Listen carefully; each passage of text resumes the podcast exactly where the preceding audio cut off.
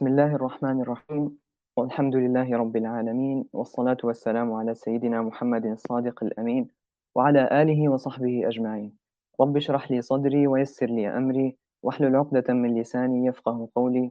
اللهم وجهنا لما خلقتنا له واصرفنا عما نهيتنا عنه ولا تشغلنا بما تكفلت لنا به. اللهم اجعلنا من جند الخير دلنا عليك رشدنا إليك فهمنا عنك علمنا منك وأعذنا من مضلات الفتن ما أحييتنا. اللهم انصرنا بالإسلام وانصر الإسلام بنا واجعلنا حجة له لا عليه واجعله حجة لنا لا علينا. السلام عليكم ورحمة الله وبركاته. أهلا بكم مستمعينا الكرام في الحلقة الثانية والثلاثين من برنامج تساؤلات على قناة المنتدى الفكري الشبابي فسيل. آه، عنوان حواريتنا اليوم هو التعليم والتعلم الذاتي. تجارب تحديات وفرص. أه حنجاوب في الحلقة هذه على هلبة أسئلة مع ضيوفنا المميزين اليوم أه أيوب وسارة. لكن قبلهم خلي بنعطي أه نبذة سريعة هيك على الموضوع. ليش اخترنا التعلم؟ شنو شنو السبب؟ أه طلب العلم في الإسلام فريضة. طلب العلم الشرعي اللي له علاقة بالإنسان نفسه زي العبادات اللي بيقوم بها فرض عين. أما باقي العلوم الدنيوية فهي فرض كفاية. ويعني فرض كفاية لازم يكون في مجتمعنا العدد الكافي من المتخصصين في هذه العلوم. وحسب علمي إن ما عندناش إحنا العدد الكافي. هذه حاجة. الحاجة الثانية إن محمد الغزالي يقول الإنسان مخير فيما يعلم مسير فيما لا يعلم أي أنه يزداد حرية كلما ازداد علما. يعني الشخص كل ما يتعلم حاجة معينة حتزيد حريته وحتزيد راحته في التعامل معها. غير الأمور اللي ما يعلمش بها اللي حيكون فيها مسير من هذه الأمور أو من المتخصصين فيها واللي بنتكلم عليه اليوم هو التعلم الذاتي. التعلم الذاتي هو العملية اللي يقوم بها المتعلمون نفسهم بتعليم أنفسهم دون أي إرشاد أو توجيه من معلم مباشرة. واليوم حنتعلموا أو حنعرفوا أكثر على التعلم الذاتي هذا من من المتعلمين ذاتيا يعني أنفسهم واللي هم ضيوفنا اليوم. فخلنا نرحب بهم. أول شيء أيوب الفرجاني طالب هندسة حاسب في جامعة طرابلس senior software engineer في شركة مولجن في بريطانيا. أهلا بك أيوب. أهلا. الحمد لله الله يبارك فيك. ومعنا سارة الجمل طبيبة امتياز كاتبة محتوى وتشتغل في شركة سبيتار لتقديم الاستشارات الطبية عن بعد. أهلا سارة. أهلا بك المستمعين. آه، تمام. خلينا نبدو في البداية هيك بتعريف بسيط ونخش في في التعلم الذاتي. بما أنكم زوز خطوا التجربة هذه فخلينا نبدو. أيوب أيوب الفرجاني. أعطينا تعريف أكثر بنفسك احكي لنا عنك وعن تجربتك في التعلم الذاتي. آه والله التجربة هذه كانت يعني من حب يعني لمجال كان كان ناقص نوعا ما يعني من الناحية الدراسية أو خلينا نقولوا بالناحية التقليدية. مازال ماليش كليات أو ماليش اختصاصات. هو صح يعني في في كلية IT وفي كذا لكن كلها تعلم ما تعلمكش الأشياء اللي أنت يعني حتخدم بها. وأنا كان عندي حب يعني لمجال ال IT ففي مرحلة من مراحل عمري يعني اتخذت قرار أن مش نمشي مش نمشي لقدام يعني في المجال هذا لابد اني يعني بندير وقفة لعمري. فمنها بدأت نتعلم نتعلم عن طريق النت يعني في المجال هذا اللي هو ال software engineering أو هندسة البرمجيات. ومنها بدأت الانطلاقة يعني. كانت الرحلة صعبة شوية في الأول ممكن أخذ مني الأمر من سنة ونص إلى سنتين يعني. من الدراسة المستمرة يعني شبه ثمانية ساعات يوميا لين بدأت الحمد لله تنفرج بشوية وبدأت نحصل في وظائف يعني نحاول ان ندرب على الأمور هذه لين الحمد لله وصلنا وبدينا حتى نركبوا فوق الحمد لله. به كويس. قلت بديت أمتى؟ بس قعدت سنة أو سنة ونص. تقريبا في بداية ال 2000 2018 إيه في 2018 آه. 2018 مع بداية الكورونا هيك كنت اوريدي أنت متمكن من المجال هو تق... فيه. لا هو تقدر تقول أن في آه، من بداية 2018 كانت يعني كانت فكرة وكانت أن تجربة عادية. يعني تقدر تقول أن بديت يوميا ناخذ من وقتي نصف ساعة إلى ساعة هيك نحاول إني نتعلم شوية. ما هو كنت وقتها يعني نخدم وفي نفس الوقت عندي دراسة الكلية. فكانت الأمور صعبة شوية. إمتى خديت الأمور بجديات يعني وبديت نقدم للشركات هي كانت في بداية الكورونا. لأن في بداية أه. كورونا الشركات بدوا يديروا يعني في مرحلة تحول لل لل يعني للعمل عن بعد ريموتلي ف فجت من صالحي يعني. إيه, إيه، جت من صالح اللي اللي يتعلموا بروحهم كلهم. أيوه. به ممتاز. آه سارة ممكن آه تحكي لنا أكثر عن نفسك وتجربتك في التعلم الذاتي؟ آه، تمام. أنا اسمي سارة آه، طبيبة امتياز آه، نعتبر شغوفة بالتعلم. آه، نحب نخوض هلبة تجارب جديدة بما فيها الجانب التطوعي. آه، وكذلك مهمة بالاطلاع آه، على كل ما يخص الأطفال صحيا وتربويا وتعليميا. آه، بالنسبة لتجربتي مختلفة شوي على أيوب بحكم أن أنا كنت مرتاحة لمجالي يعني مجال دراستي. ولكن آه، في البداية كانت شبيهة بتجارب هالبناس من ناحية إني أنا حابة إني نطور معارفي أكتر بالاطلاع. آه، كنت مطلع على الكتب كنت مثلا نجرب في ألعاب هادفة وخرائط كانت تباع في القرطاسيات ناخذ فيها ونلعب بها. آه وبعدها لما توفر الإنترنت وظهر اليوتيوب وظهرت الأبليكيشنز المفيدة زي آه تطبيق دولينجو في تعليم اللغات فكنت آه هلبة يعني نحب نخش عليه. ونطور مهارة اللغة عن طريقة آه وكنت أيضا مهتمة بتطوير مهارات التواصل وتطوير العلاقات فكنت نسعى مثلا إني نكسب أصدقاء أكثر في حياتي ومن مختلف المجالات يكونوا ومختلف الشخصيات خاصة إن مجال دراستي في الجامعة يعني أنا أعتبره معروفين علينا ناس انطوائيين شوية. فكنت آه، نبي نبين إن هذا غير صحيح. آه، وللعلم أنا يعني نعتبر شخصيتي هادية نوعا ما. وكنت من الصعب إني مثلا بادر وإني نتحدث مثلا كبابليك سبيكر أمام الجمهور أو شيء. بس الحمد لله يعني التجارب فادتني وشجعتني. أه لحد ما جاء عام 2017 تحديدا أه بدأت رحلتي في التعليم الإلكتروني. أه طبعا التعليم الإلكتروني هو جزء من آه، التعلم الذاتي. تو صوتي واضح تقريبا نفس الشيء قاعد. لحد ما جاء 2000 عام 2017 فبدأت رحلتي في التعليم الإلكتروني في العام هذاك. طبعا التعليم الإلكتروني يعتبر فرع أو جزء من التعلم الذاتي. آه، في البداية صادفني إعلان لمنصة آه، رواق العربية آه، في نفس الفترة هذيك الزميل عبد الرحمن خنجاري أسس مجموعة زدني للتعلم عبر الإنترنت وللحقيقة نبي ننتهز الفرصة هذه ونشكر على مجهوداتها المبذولة باستمرار. المهم وقتها أنا دخلت المجموعة وتعرفت على منصة إدراك أيضا. المنصة الأحب على قلبي تعتبر واللي كانت لي معها تجربة استثنائية. آه، بديت بكورس آه، تعلم أساسيات الإسعافات الأولية آه، اللي كان أقرب فيهم لمجالي. ومن إعجابي بالمحتوى استمريت بمتابعة المساقات أو الكورسات اللي موجودة فيها. ف وهي وقتها أصلا كانت يعني فاتحة جديدة فعدد الكورسات ما كانش كبير.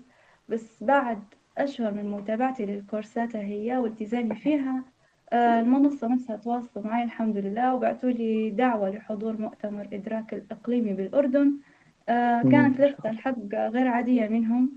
آه، ما أعرفش حتى كيف نوصف مشاعري يعني فرحت بها جدا. ولولا يعني دراستي وقتها وبعض العوائق لكنت يعني مشيت. المهم استمريت في رحلة التعليم الإلكتروني وخشيت في نفس العام على منصات غير عربية زي FutureLearn و Coursera و edX آه، المحتوى العلمي والمعرفي فيهم كان آه، مرتب ومنظم جدا وكان مفيد جدا فبديت فيهم حتى هم إلى جانب آه، المنصات العربية. بعدين في حصاد 2020 داخل المجموعة نفكر بفضل الله وصلت لأكثر من 400 ساعة تعلم على الإنترنت داخل مجموعة زمني آه، بس في البداية أنا من شدة حماسي كنت متابعة في عدد كبير من المساقات وما فيش خطة واضحة قاعدة كنت نمشي عليها. آه، وأغلب الكورسات المتوفرة على المنصات هي في الحقيقة يعني يكون تركيزها أكثر شيء على آه، تنمية جانب المهارات والجانب المعرفي.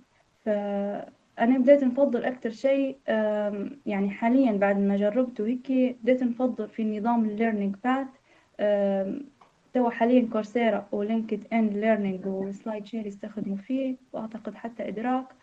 الطريقة آه، هذه إن المجال اللي أنت حابب تخوضه أو تتعلم فيه يوفروا لك آه، فيه مجموعة كورسات تبدأها من الصفر خطوة بخطوة. يعني تكون من مستوى مبتدئ إلى مستوى متقدم. آه، يعني حتى تكون يعني محصلة للمتعلم أكبر مش مجرد إن كورس واحد ياخده. وهذه ساعدت شوية في تغطية عيب التعلم الذاتي من ناحية صعوبة تجميع المصادر وهيك. فإيه شخصيا تبعت في مجال تطوير الذات الكتابة الأكاديمية. آه، طورت اللغة. وأيضا شوية خشيت على الألمانية وطلعت. آه، تعلمت شوية Photoshop آه، في التربية والتعليم. كورسات في مجال الطب نفسه ومؤخرا حاليا في التسويق الإلكتروني. وجربت كذلك لفترة يعني قصيرة خشيت شوية على لغة البرمجة Python لكن الحق طلعت كان هو فضول أكتر من إنها هي رغبة وتفرغ. آه، وفي نفس الوقت أنا رجعت نفسي من ناحية اختياراتي وأولوياتي. آه، وحتى يعني الشغف زي أي حد آه، يضعف ويمر بلحظات ملل وتسويف وغيرها.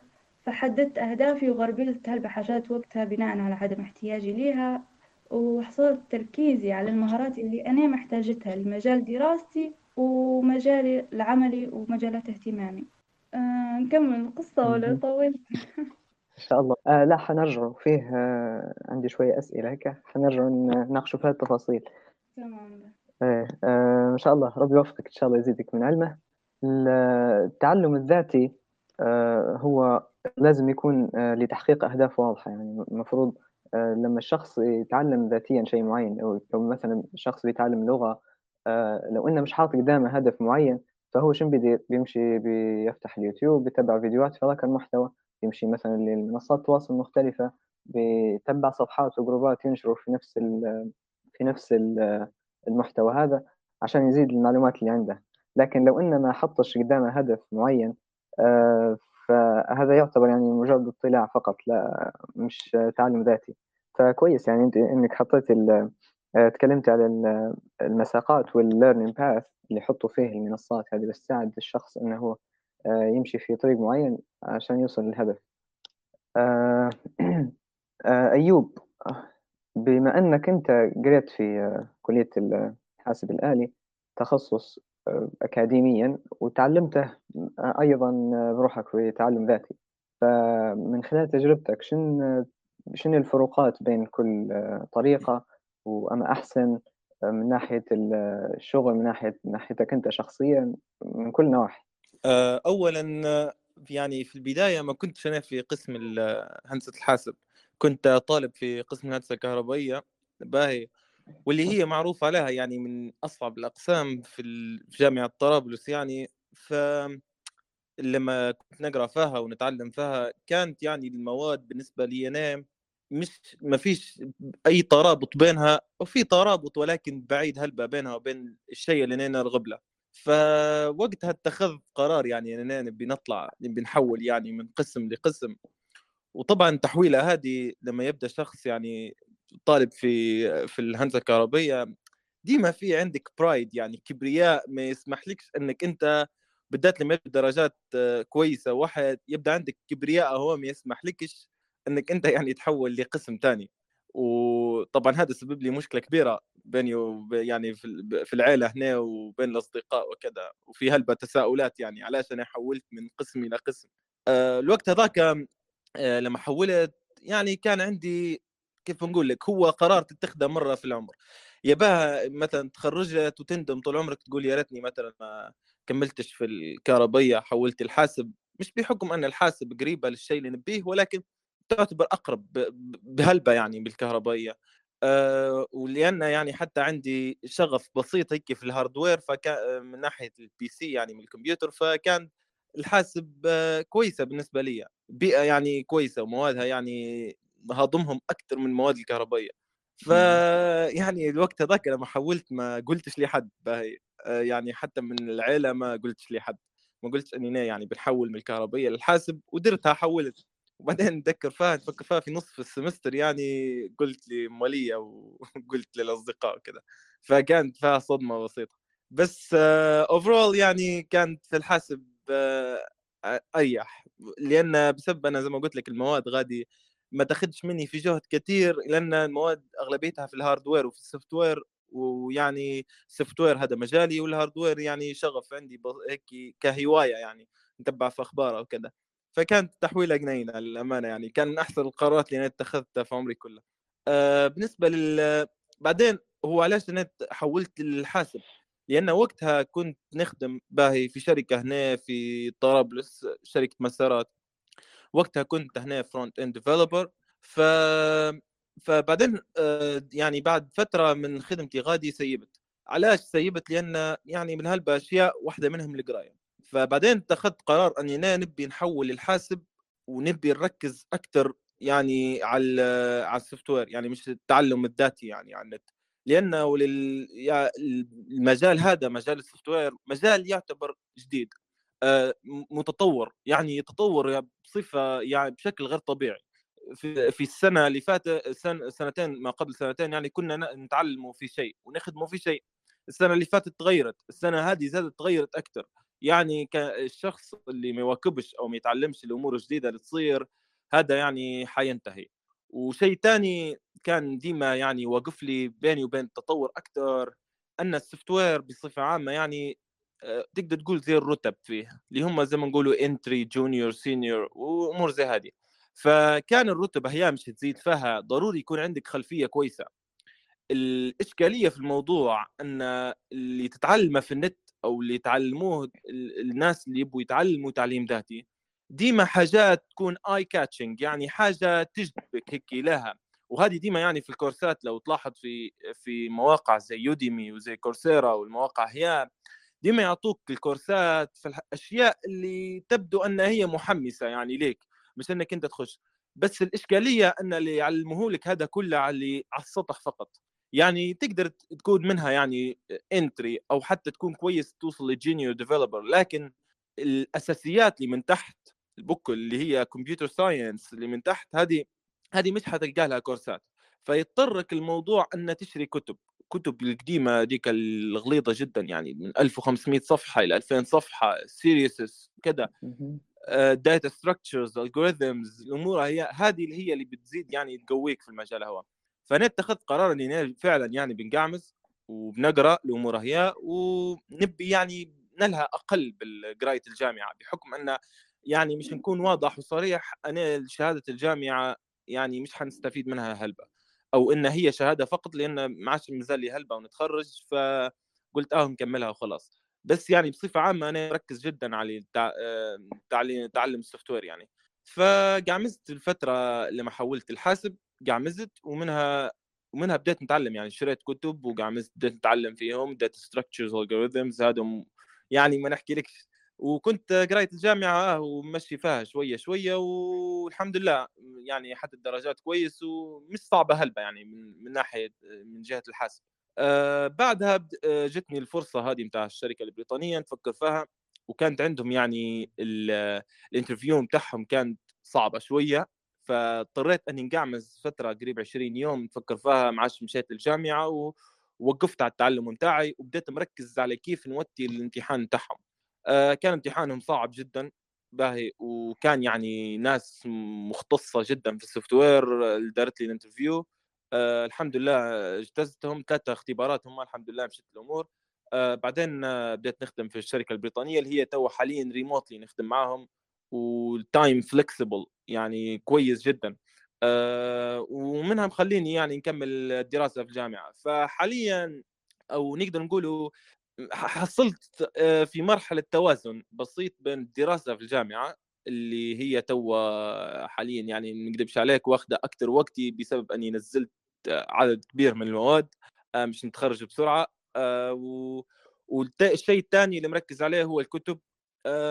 نقدر نقولوا أن المحتوى على النت ومن ناحية ال software يعني ما عادش ما عادش appealing هلبة بالنسبة لي أو ضعيف شوية بحكم أن هلبة الناس اللي يعرفوا في النت مركزين على ال beginners فيعني كل ما تبي المشكلة في التعلم الذاتي على النت أن كل ما تبي تتعمق أكثر في المجال حتلقى أن المحتوى ينقص. هلبة ينقص؟ ينقص جدا. يعني مثلا لو تجيب تقول لي software engineering باللغة العربية advanced آه، شبه مستحيل.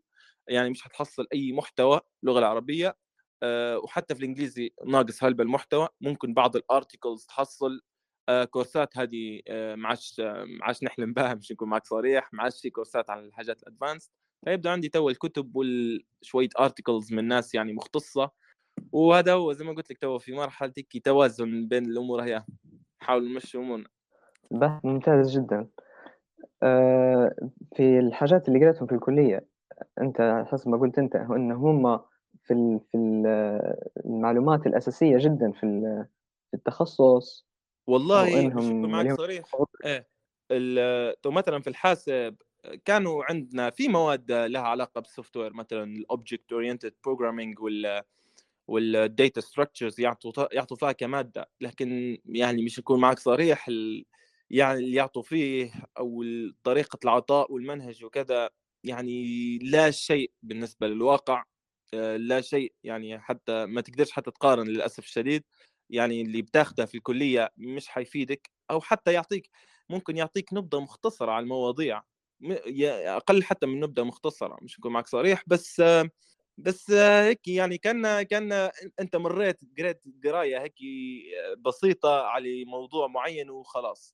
أما انها هي بتفيدك في بعدين يعني بعد التخرج لو أنت تبي تولي مهندس برمجيات وكذا لا أعتقد الحق. يعني في حالتك أنت أو من تجربتك أنت التعلم الذاتي هو بديل كامل للتعلم التقليدي.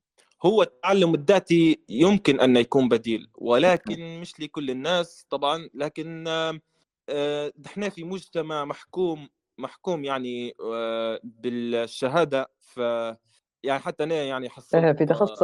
إيه. على الأقل. إيه يعني من ناحية العطاء يعني من ناحية العطاء وكذا أو الحصيلة العلمية إيه تقدر يكون يعني بديل كامل على الجامعة. آه سارة تجربتك في التعلم الذاتي هل لها علاقة بتخصصك في الطب أو لا؟ آه بالنسبة لتخصصي تجربة التعلم الذاتي ما نقدرش نعتبرها بديلة. آه، نشوفها خيار مكمل وداعم من ناحية مثلا إننا نواكب كل جديد آه، نبحث عن أساليب عطاء أفضل لأن إحنا بالنسبة لنا يعني الجانب التطبيقي أو السريري عندنا آه، يعتمد بصورة كبيرة على الحضور والتواصل المباشر مع المريض. يعني لازم نكون متابعة مع الطبيبي ونكون موجودة معاه يورينا هيك بالتفاصيل. فصعب إن تتخطى الجزئية هذه عن بعد أو نتعلمها بروحي بس في نفس الوقت استفدت منها آه، من ناحية تطوير المعلومات النظرية آه، وتنمية مهاراتي الشخصية. لأن في أي مجال أكيد الإنسان يعني بحاجة أنه هو ينمي مجموعة من المهارات اللي هو محتاجها. آه، وكذلك أنا التعلم الذاتي نشوفها مستقبل التعليم الحقيقة. خاصة مع الوقت الحالي يعني في تدهور في نظام التعليم في المدارس والجامعات وغياب البيئة التفاعلية فيها.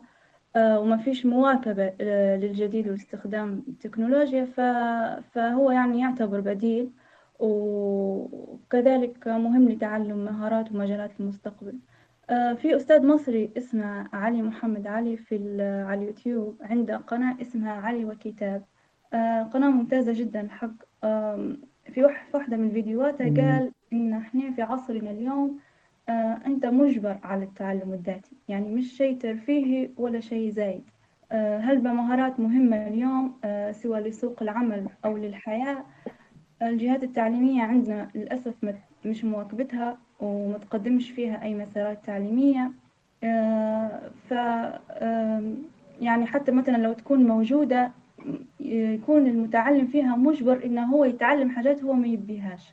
مش زي مثلا إن حد يتعلم ذاتيا من الحوش أو بالوسيلة اللي هو يختارها والمصادر اللي هو يرتاح لها. آه، إضافة لهذا أنا مؤمنة بأن العملية التعليمية ما تنتهيش بانتهاء مرحلة دراسية معينة. يعني أنا مثلا لو كملت الجامعة مش معنى هذا أني أنا خلاص نوقف تعلم. لا ولا حتى مثلا لو وصلت لدراسات عليا ماجستير دكتوراه أو ما إلى ذلك.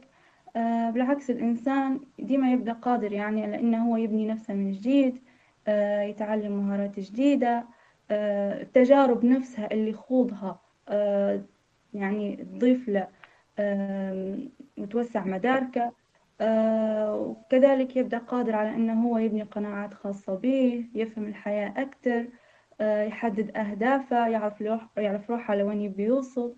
طبعا هذا كله يعني في الأخير التوفيق من الله سبحانه.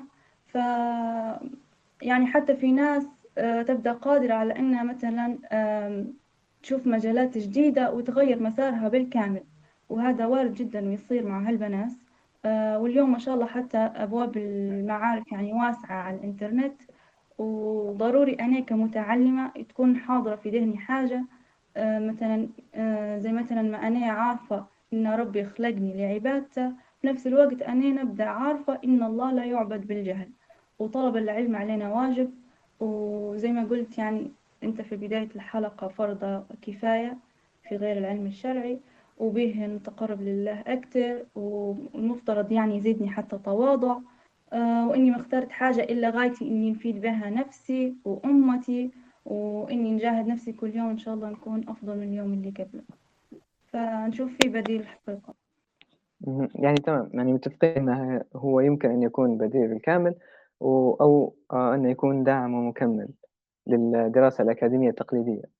آه، في حاجة لاحظتها أنا عن نعلق على النقطة هذه آه، أنا هو تفضل أيوب. أنا مش أنا مش متفق أن أو نحب نخالف الرأي هذا أن إحنا المفروض نقول أنه هو يعني بديل بالكامل.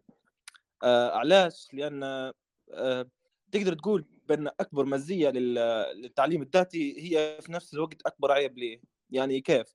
الناس اللي تتعلم ذاتيا يكون عندهم لو أنت تلاحظ يعني أو تبحث فيهم الناس ما حتلقى أن عندهم الهمة يعني قوية شوية أو إن هم يخشوا يبحثوا وحتى يعني ال consistency الثبات على على الهدف وانه يبدأ ديما مستمر على الهدف بتاعهم بس هذا لو جيت أبحث يعني في النسبة من المئوية من البشر كلهم حتلقاهم أقل يعني من 5% ناس يعني based... يتم استبدال التعليم الذاتي.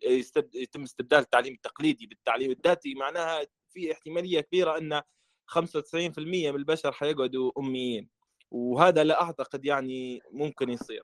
فمن رأيي أن التعليم التقليدي مستمر وباقي يعني آه، لأن لأن التعليم التقليدي يعني في يعني ما فيش كيف نقول لك ديما أي شيء له معادلة والمعادلة كل ما كثرت الفاريبلز المتغيرات في في المعادلة كل ما كانت المعادلة مش مستقرة.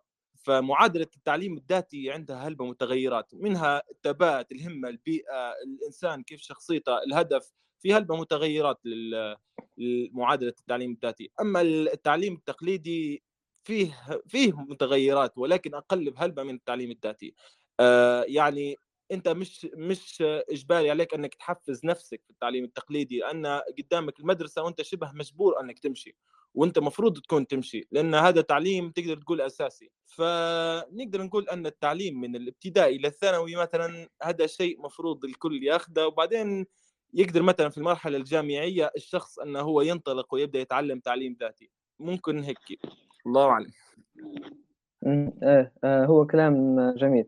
آه إن الشيء يعتمد على الأشخاص. هل هم كفؤين إنهم يلتزموا آه لأن التعلم الذاتي يعتمد على الشخص نفسه ما فيش أي حاجات خارجية آه بتأثر عليه أو بتدفع لقدام.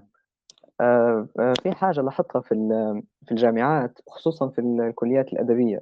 آه الناس اللي يقروا بانتساب في العادة درجاتهم أو معدلاتهم أعلى بهلبة من النظاميين اللي يحضروا في المحاضرات. وهذا حسب ما نشوف أنا أنه يرجع لطريقة التعلم. الناس النظاميين اللي يمشوا يحضروا في محاضرات ملزمين إنهم يحضروا محاضرات في أوقات معينة ملزمين بكم معين في كل محاضرة بالكم هذا مناسب للدكتور اللي بيعطي المحاضرة آه، بيسمعوها من الدكتور نفسه بطريقته آه، بينما اللي بي اللي منتسبين فهم بيقروا في الحوش براحهم آه، في الوقت اللي يناسبهم بالكمية اللي تناسبهم بالسرعة اللي تناسبهم في النهاية بيجوا يمتحنوا خلاص فأظن أن هذا هو آه، شيء معين. مبادئ التعلم الذاتي لما تطبق في الجامعة بالطريقة هي ممكن آه، تكون أحسن بهالبا آه، أنا سألني بس نبي نضيف حاجة ممكن؟ أي آه، بالنسبة للتعلم الذاتي آه، حتى مع الأطفال اللي دون السن القانونية للمرحلة الدراسية يعتبر ممتاز. آه، لأن ليش؟ لأن أهم حاجة يراعي في فرق القدرات الاستيعابية بينهم. يعني للأسف مرات في قاعات الفصول الدراسية يكون في زحمة هلبة في المدارس. آه، فخلالها يعني طفل ما, ما يقدرش يستوعب كويس ولا حتى المعلم يتواصل معاه بشكل جيد. آه، بس من خلال التعلم الذاتي آه، يقدر يختار هو بنفسه الطفل الأساليب اللي يرغب بوجودها في العملية التعليمية بنفسه. وكذلك في وسائل وأفكار ترفيهية موجودة حتى على اليوتيوب بالإمكان تطبيقها حتى من المنزل تساعد الطفل على التعلم بشكل أسرع وفقط يعني يكون الوالدين جنبه دورهم دور المراقب والموجه والمصحح. وعلوم يعني عموما يعني واحدة من أساليب التعليم الحديثة اللي موجودة هي التعلم باللعب باللعب أو الجيميفيكيشن الوسيلة هذه قريبة جدا للميول الفطري خاصة عند الأطفال لأن فيها يعني نوعا ما مرح و... وتسلية وتس... وتسهل هلبة عملية التعلم وتنمي مهارات مهمة عندهم زي التواصل اللفظي وغير اللفظي. في نفس الوقت تشجع الطفل على التعلم الذاتي فيصبح أكثر إنتاجية.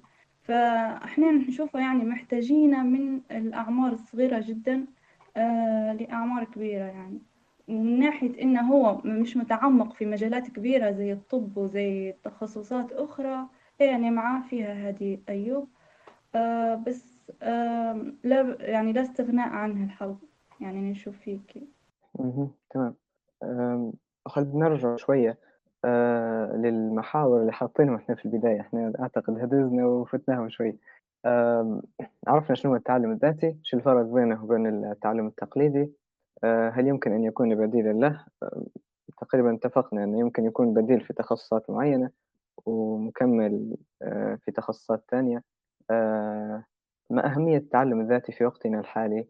كيف يمكن عن طريقه تحقيق الاستفادة المرجوة والمطلوبة آه من منكم بيبدأ يعطيني تو شوية أساسيات أو مبادئ زي ما تشوفوا فيها أنتم مهمة عشان يكون التعليم الذاتي يعني يعطي فائدته المرجوة للشخص. أنا أبدأ أنا ولا بتبدأ سارة؟ كيف ما يب... آه كيف ما أبدأ؟ تفضل. أوكي هاي. آه ترى عودي السؤال خلي نزيد هيك زيد تأمدى نبي آه مبادئ أو أسس أو خطوات ضروري تديرها باش في في في في يعني طريقك في التعلم الذاتي باش توصل للنتيجه المطلوبه بأفضل كفاءة.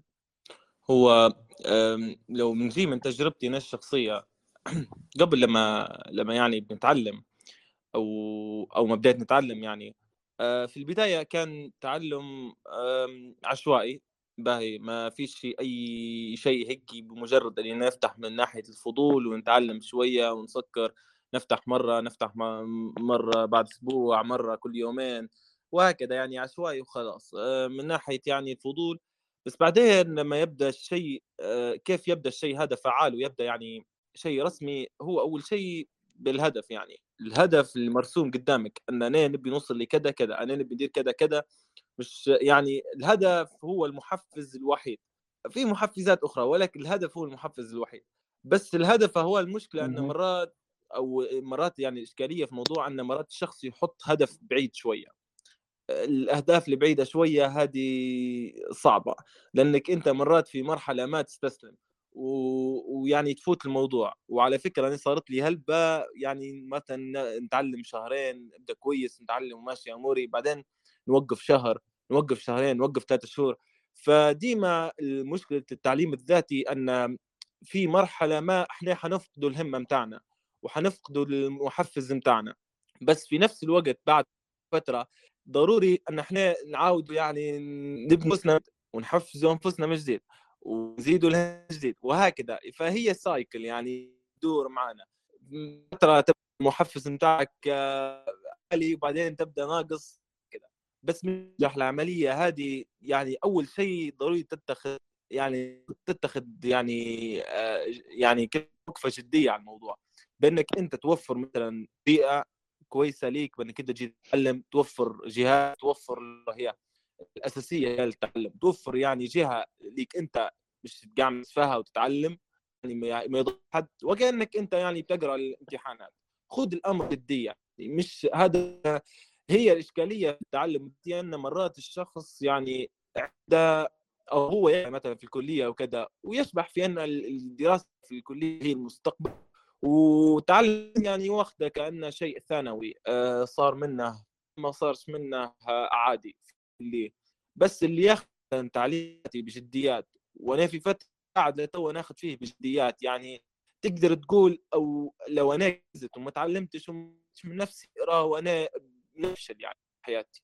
هذه الدرجه من الجديه لما يبدأ الموضوع بجديات ويبدأ في يعني معشي بصارة يبدأ نفسك هي النفس أمارة وما ماشي للكسل وديما يعني يوسوس لك وما نبديش نقرأ وهكذا بس لما يبدأ الموضوع جاد يبدأ هنا معشي معش في يعني أو تقدر تحارب نفسك. تقدر تجي يوم تجي في اليوم تحط أربع ساعات إلى ثمانية ساعات كعميز عندك من فترة تقرا فيها ولكن إشكالية إيه كل مرة في مشكلة تجي وراء مشكلة هي تحل مشكلة تجيك مشكلة. هي المشكلة ديما في التعلم الذاتي آه، نقطة قالتها سارة بكري واللي هي ال يعني كيف تسلسل العلوم اللي تاخذها آه، في في يعني زي ما قالتهم بكري المنصات كويس آه، الشخص يمشي بيهم مش إن هم يعطوه هيد ستارت يعني انه هو يبدأ ويعرف كيف بعدين ينظم ينظم المناهج اللي هو يقرأ فيها. ولكن هي التعليم الذاتي قصة قصة كل شخص عنده قصة الفريدة يعني. ومستحيل أو بعيد جدا أن شخصين يقول لك إحنا قرينا من نفس المناهج وقرينا من نفس المواقع ودرنا نفس الشيء وقرينا نفس الشيء وهكذا. فالتعليم الذاتي يعني قصة أنت أنت يعني تكتبها قصتك وأنت اللي بتكتبها. فالمرحله البدائيه هي اللي تعطيك ال head start يعني الأولى وبعدين حتلقى روحك إنك أنت اللي بادي بروحك تعرف كيف تتصرف وتعرف كيف تنظم وقتك وتعرف كيف تتعلم. وأنا أصلا أحس بروحي طلعت من الموضوع ما أعرف حتى لا لا تمام.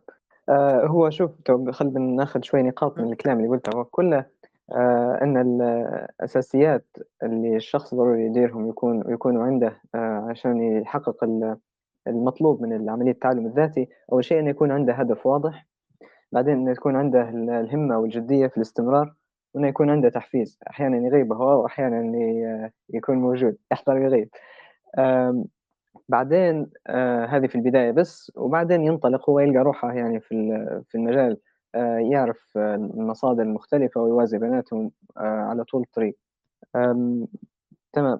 سارة لو عندك إضافة لحاجات ممكن يحتاجها الشخص؟ آه، هي أنا في طريقة بسيطة آه، تعلمتها وجربتها جربتها يعني ساعدتني أكثر على الالتزام إن مثلا في البداية المتعلم يحدد مدة التعلم اللي يبيها ويربطها بديدلاين معين. يعني يدير في باله آه، ويخلي عين على أمتى نهاية المدة هذه حتكون مش أمتى بدأها. مثلا أنا حددت بنكمل تعلم الحاجة الفلانية في في غضون شهور أو سنة آه، نحددها تنتهي بتاريخ كذا. ويفضل مثلا لو كان الكورس آه، نتابع في كورس معين هو اللي يحدد المدة هذه الحاجة هذه تخلي المتعلم مدرك لنهاية المدة وإن لربما مثلا تكون فرصة كبيرة أو شيء فتضيع عليه آه، فيقلل نوعا ما من التسويف اللي عنده ويخليه حريص أكتر على الوقت. شخصيا حتى المهام في تحديد أولوياتها عندي ما نقيسش فيها من ناحية حجم المهمة وأهميتها بقدر ما مثلا آه، نشوفها أمتى نقدر المفروض إني نسلمها أو نكملها. ولو إن هي المدة متاعها مازال بعيدة ومازال عندي وقت آه، متاح آه، غالبا نبدأ بالشيء اللي نميل ليه ومستمتعة فيه ننجزه هو الأول. وتاني شيء زي ما قال أيوب تحديد الأهداف.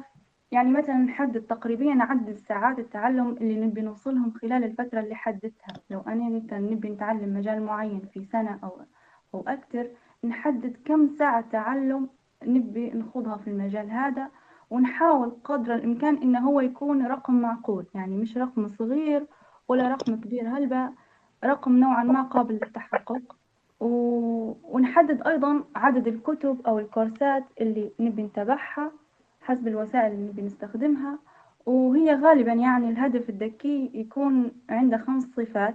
آه إنه هو أولا يكون محدد وواضح يكون واقعي يكون قابل للقياس آه وتقريبا يكون قابل للتحقق ومحقق في زمن.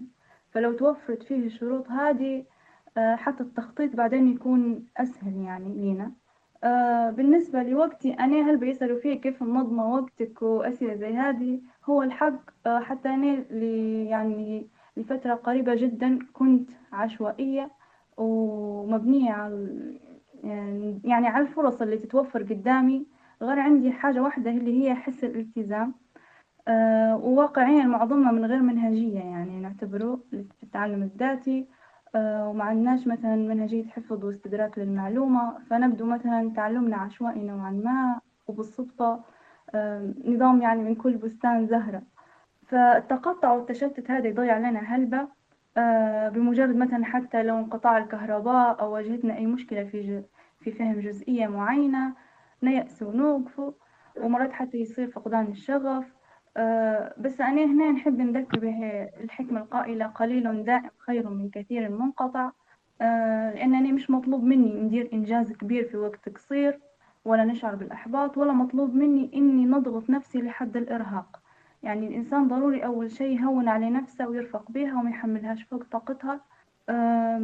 ونتفق جدا مع فكرة تخصيص زمن معين كل أسبوع حسب قدرة الشخص. يعني مثلا ساعة ساعتين حسب استطاعته يفصل فيهم النت تماما أو مثلا يوقف مؤقتا تشغيل البرامج اللي هو مش بحاجة ليها حتى يقدر يحافظ على تركيزه أكتر وبإذن الله مع الوقت حيلاحظ تغير حتى لو كان بطيء. ولو كانت مثلا عندي تسليمات مهمة وطارئة فالله غالب يعني الإنسان يتحرك بالمتاح والمتوفر أمامه. وفي نفس الوقت ما ننسوش إن هذا كله بإذن الله مأجورين عليه.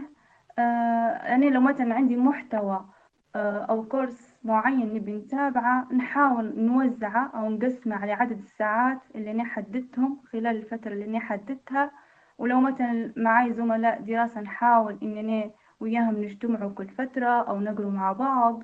هذه حاجات يعني ممكن تحفز أكتر المتعلم وحتى موعد النوم حقه والاستيقاظ نشوف فيهم حاجات مهمة يعني. واحد لما ينظم وقت نومه يعرف حتى أمتى ينوض وأمتى الوقت الضائع اللي عنده والوقت المتوفر والوقت المتاح.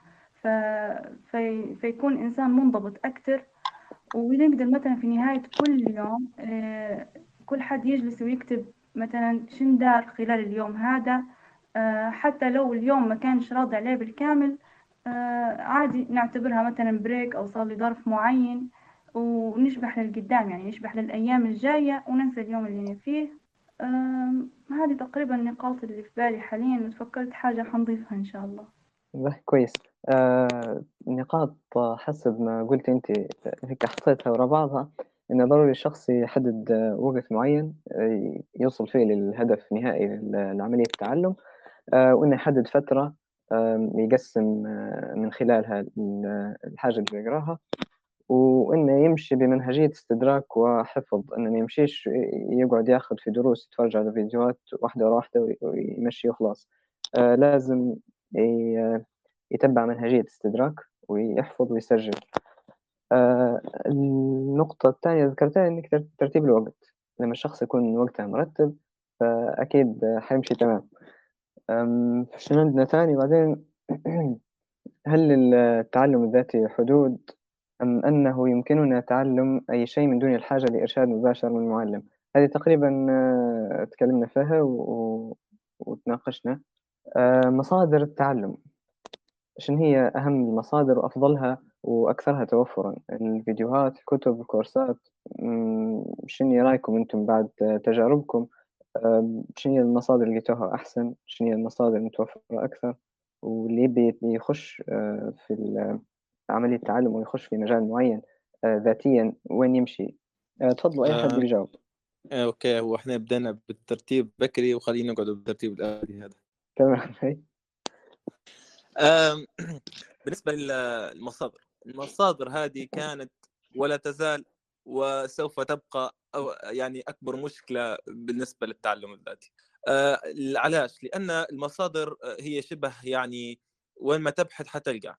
المشكلة أن كيف وعلى, وعلى أي أساس أنت بتختار المصدر المعين هذه أنا واحدة من ال loops اللي أنا قعدت فيها تمام؟ زي مثلا قبل كانوا يقولوا لي بأن أو هذا الشائع يعني الشائع بين الطلبة والشائع بين أي شخص بيتعلم IT يقول له برا تعلم Python مثلا آه، لغة برمجة Python. هذا مثال بس بنقوله سهلة طول.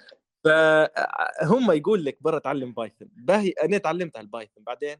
ما هي للأسف آه، الشخص يخليك وأنا على فكرة أنا واحد من الناس وقعت في الفخ هذا قبل آه، أو ما بديت زمان في 2018 آه، تقريبا بايثون بديت نتعلم فيها في 2017 كهيك يعني يعني كهواية هيك على جنب. أه لما تعلمتها بعدين بعدين بديت بديت يعني نبحث عن المصادر وبديت مهتم بموضوع المصادر لدرجة أن في فترة أخذتها أنا ممكن أه ما يقارب الشهر أه بعد هيك ممكن في نص 2018 آه، كانت في فترة شهر ما قريتش فيها أي شيء كانت مرحلة إني أنا قاعد مزت وبديت ندور في المصادر وبديت نفلتر في المصادر لأن آه، صعب صعب إنك أنت مرات تبي توصل لهدف وهدفك واضح وصريح وقدامك بس كيف تبي توصل للهدف هو هنا المشكلة. بين قبل لما لما قالوا لي تعلم Python بين تعلمت Python بعدين شو نبي نوصل بها ونبي نوصل بها ال Python هي ال Python في الأخير طلعت أن هي لغة تستخدم في الغالب يعني في أنظمة الذكاء الاصطناعي وتعلم الآلة و... وأشياء خاصة بال scientist يعني يعني أمور advanced advanced advanced تبي ناس متعلمة جدا في الإحصاء وفي الرياضيات وماجستير ودكتوراه. بعدين يدوروا ان هم يتعلموا في في الذكاء الاصطناعي وال machine learning يعني. ف فشخص شخص تعلم Python هيك وخلاص ما عنده ما يدير بها. هي عبارة عن tool فقط يعني. فهذه ديما يعني التوجيه الخاطئ هو مخلي هلبا ناس ما يعرفوش يقروا عن النت. النت معبي مصادر بس أنا ديما الحق آه، نحب يعني من ناحية المصادر ديما سؤال الشخص اللي يكون أقدم منك في المجال. هذه أفضل طريقة.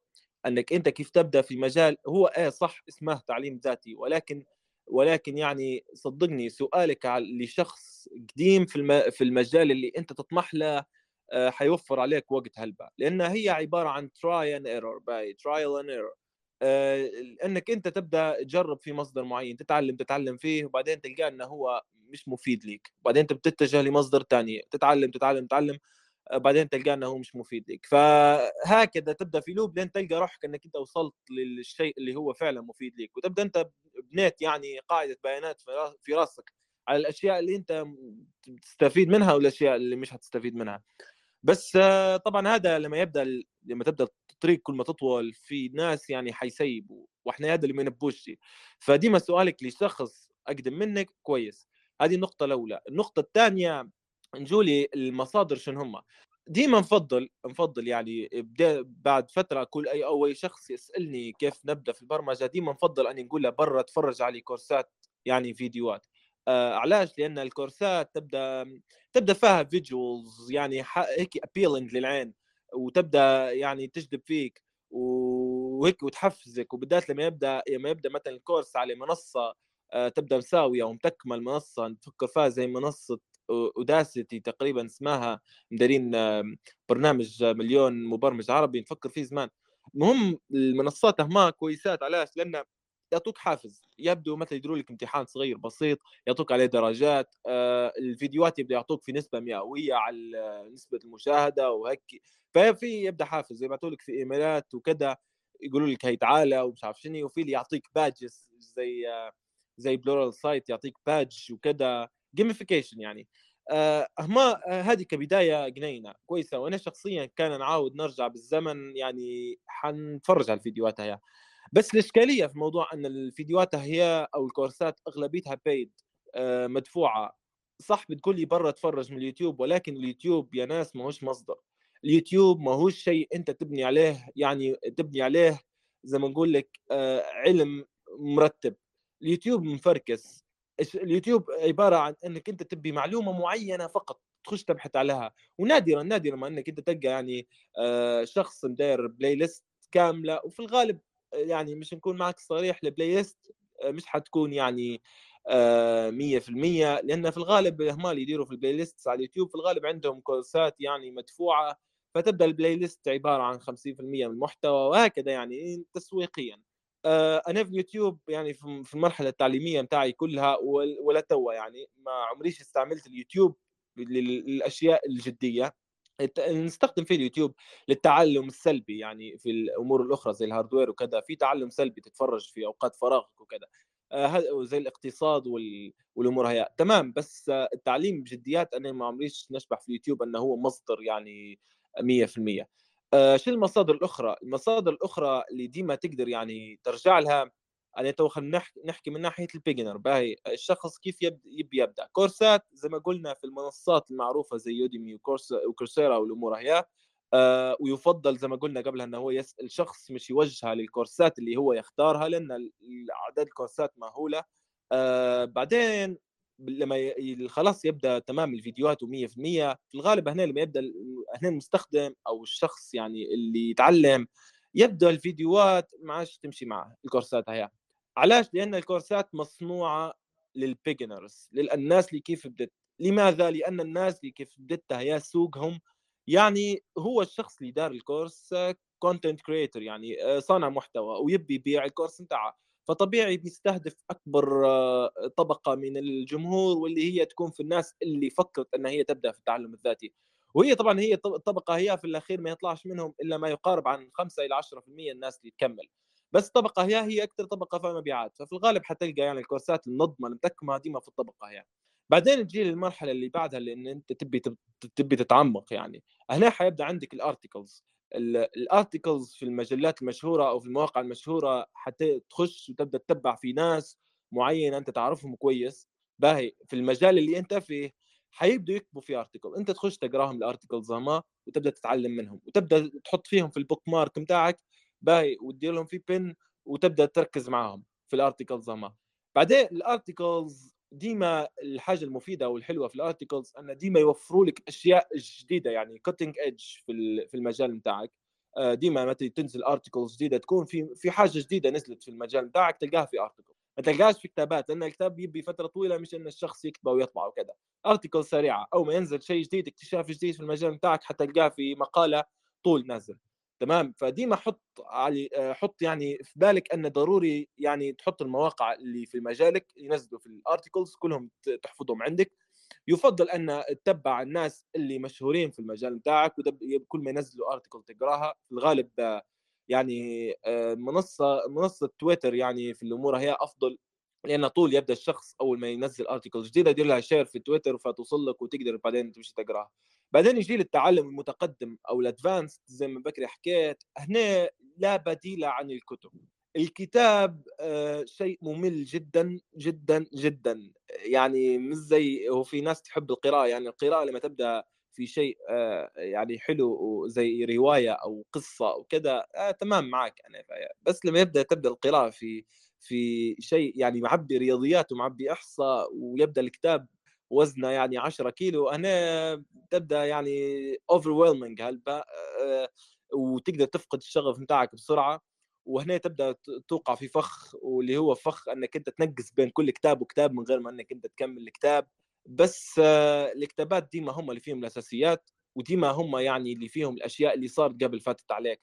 لأن غالبا زي ما ديما نحب نقول إن الشخص اللي متعلم ذاتي آه، ديما لما يحب يبدأ يحب يبدأ بالحاجات ال high level لأن هي ال ال يعني تدير catch لل eye، eye catching وبعدين يبدأ المفروض إنه هو ينزل تدريجيا في التعلم للطبقات السفلى ال low level اللي هي فيها أصول العلم هو.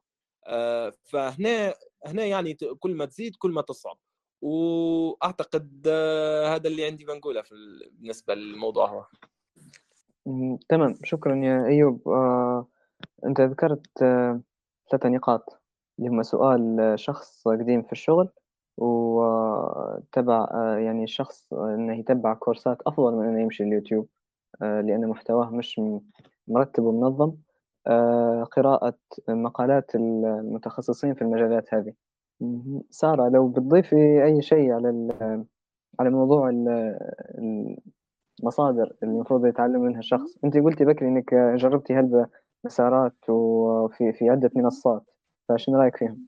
آه، أنا بنعقب حاجة بداية على كلام أيوب من ناحية آه، لازم يتوفر مرشد أو حد متخصص تاخد منا. فعلا آه، هذه أنا شخصيا واجهتني أكثر من مرة وكان يسهل علي الأمر جدا لما لما تكون لي فرصة استشارة حد أعلم مني ونتعلم منه تكون عنده سنوات من الخبرة والعمل في مجال معين. يعني يكون أكيد عنده هلبة ما يضيف لي يضيفها لي فأنا الحق نشوف حاجتنا كبيرة والله للناس المتخصصة في مختلف المجالات من غير الهندسة والطب. آه، بالنسبة للوسائل عن نفسي آه، نشوف اختيارها مش عارفة يعتمد على مجموعة من العوامل. آه، ما ننسوش حتى إن مثلا كل حد فينا عنده طريقة تعلم معينة يفضلها أكثر من الشخص الآخر. في ناس تحب تقرأ في ناس تحب تسمع في ناس تحب تتعلم عن طريق السؤال يعني حب الفضول هو اللي يعلمها. في ناس عن طريق التجربة في اللي عندهم آه، مثلا ذاكرة بصرية قوية فهذه حتساعدهم مثلا الوسائل البصرية أكثر من ناحية الوسيلة اللي يختاروها. فما فيش نظام يعني تعلم موحد لينا كنا. آه، أنت اللي حتصمم النظام هذا حسب وقتك وإمكانياتك وكذلك حسب أهدافك خلال السنة. وغالبا تكون الوسائل هذه مكملة لبعضها البعض. وتعتمد حتى تعتمد حتى على آه، طبيعة المجال نفسه. مثلا آه، بعض المهارات اللي آه، حتقدر تتعلمها وتكتسبها من من مجموعة فيديوهات أو من مجموعة أو من مجموعة كتب تقدر تمارس فيها تجربة عمل. أنا نشوف التجربة خير برهان ودليل على التعلم نفسه. ديما أي مهارة بالذات الجانب المهارات يعني يفضل إن المتعلم بعد ما حضر فيها مجموعة من الكورسات أو نمى فيها خبرته المعرفية إنه هو يتوجه لأقرب فرصة عمل وإن كانت تطوعية آه، الفرصة هذه حتساعده هل إنه هو ينمي المهارة هذه عنده أكثر. لو مثلا شخص تعلم مهارات استخدام برامج المايكروسوفت والإكسل ف أو تابع مثلا دروس في الفوتوشوب أو هيك ضروري ما يدرب إيده ويمارسها مرات عديدة. آه مرات تجربته هذه نفسها تخليه يستكشف فيه مزايا أخرى. البرنامج هذا ما تكونش في أي كورس يعني تم ذكرها. وهنا مثلا يجي مثال على أهمية اكتساب مهارة حس الاستكشاف من التعلم الذاتي اللي مش موجودة في التعلم التقليدي. وكذلك أنا نشوف إن المتعلم المفروض ما يخافش من الوسيلة اللي يستخدمها أو حتى الوسيلة اللي مش متعود عليها عادي يخش عليها ما فيش مشكلة. زي المطالعة مثلا في هلبة يخافوا منها ويتهربوا منها لأن بمجرد ما يلاقيها عكست على شخصيته وعلى أسلوب تعامله مع الآخرين حيرغبها أكتر وحيزيد تقديره لذاته ووقته أكتر. ومثلا حتى لو إنه هو إطلاقا مش راغبها يقدر يستبدلها بوسيلة تانية. لو مثلا هو ما يفضلش القراءة يقدر يستبدل آه، يعني القراءة لاستماع لكتاب مسموع. وبالنسبة لليوتيوب أنا عن نفسي تجربتي في آه، كبداية يعني مع العلوم الشرعية وهيك نشوف فيه مصدر ممتاز فيه سلاسل ممتازة جدا آه، من محاضرين رائعين الحقيقة وتكون مرتبة ومنظمة جدا محاضرات من مستويات يعني تعتبر يعني تعطى للجيل الصعب.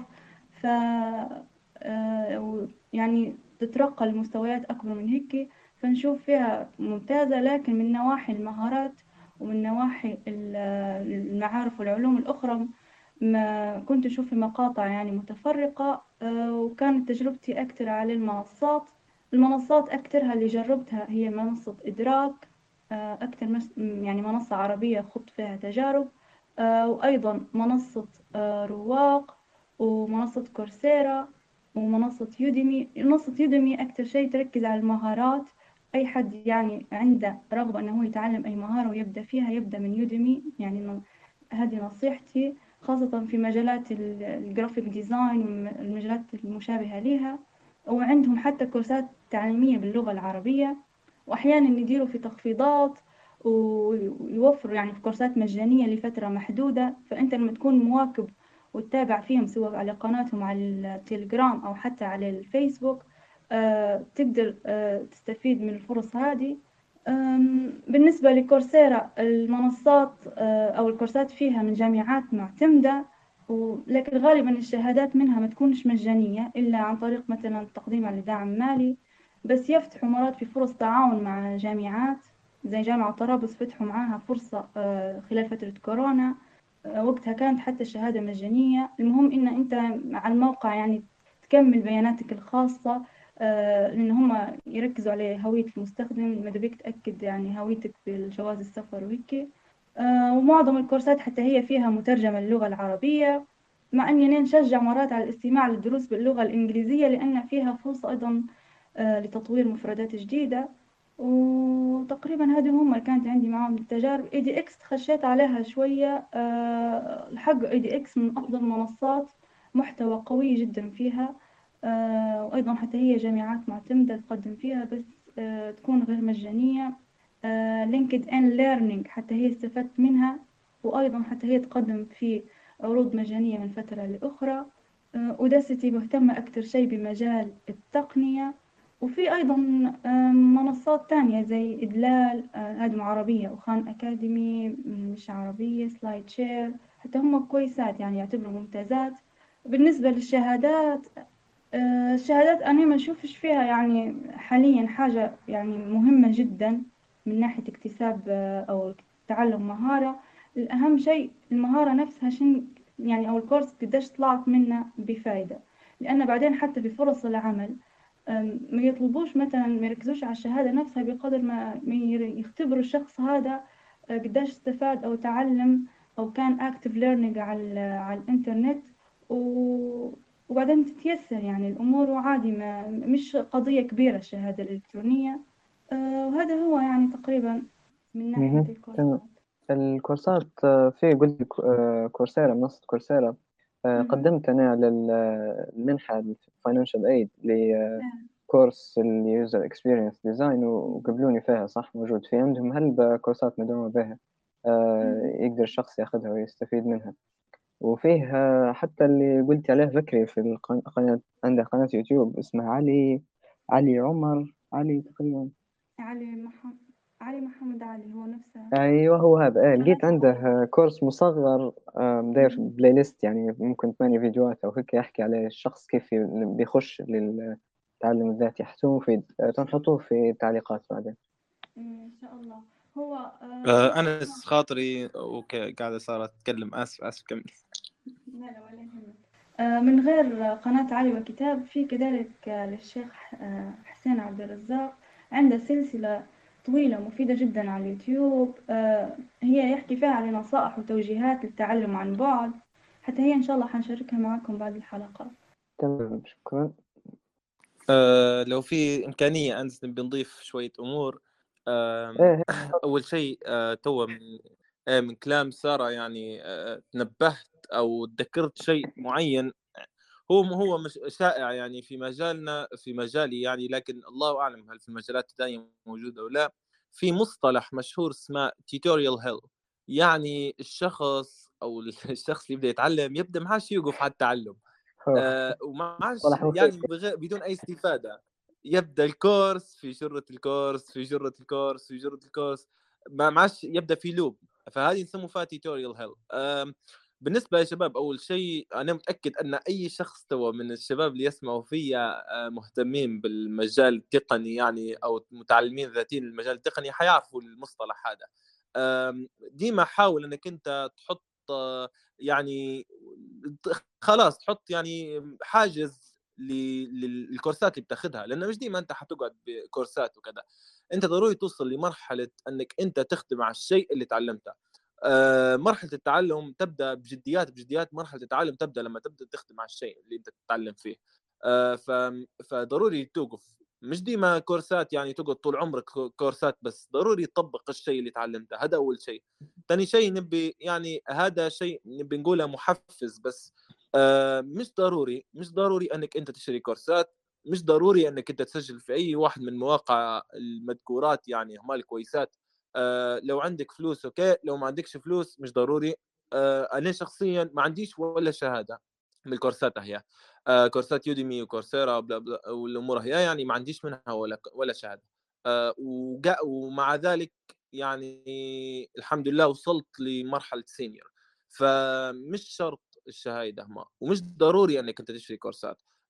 ديما حتى يعني المحتوى المجاني حيوصلك وين ما تبي. فبس هذه يعني حافز مش تبدأش لأن في ناس لاحظتهم آه، يبوا يتعلموا تعلم ذاتي لاحظتهم أنهم هم ديما يجروا على على الشيء اللي يوفر لهم في شهادة. يعني على أساس أن الشهادة هذه يعني حد حد تعطيهم مزايا. الشهائد همار يعني مش نكون معاكم صريح من ناحية أني في فترة قعدت يعني ندرس هلبة في موضوع كتابة ال CV والأمور هي فالشهايد هي اللي تكون من الكورسات آه، لا يعتد بها. يعني مش نكون معكم صريح. هذه في الشركات الأجنبية. أما الشركات اللي هنا الله أعلم. آه، لا يعتد بها يعني ولا تكتب حتى في في ال CV. أنك أنت مثلا واخذ شهادة من كورسيرا ومن يوديمي والأمور هي لا تكتب في ال CV. في الغالب اللي يكتب في ال CV واللي عليه أكبر يعني اهتمام أنك أنت لما تبدأ خادم شيء معين وتقول أني خدمت الشيء هو. حتى لو إنه هو تدريب يعني خدمته بروحك فتقدر تحطه في السي في تقول تقول ويعني تتحدث عليه وتكتب التفاصيل بتاع إنك إنت خدمت الشيء هو بنفسك ودرت كذا وكانت تجربتك كذا وكذا وكذا وكذا. آه هذه الأمور أكثر أكثر شيء يعني مفيد في من ناحية السي في.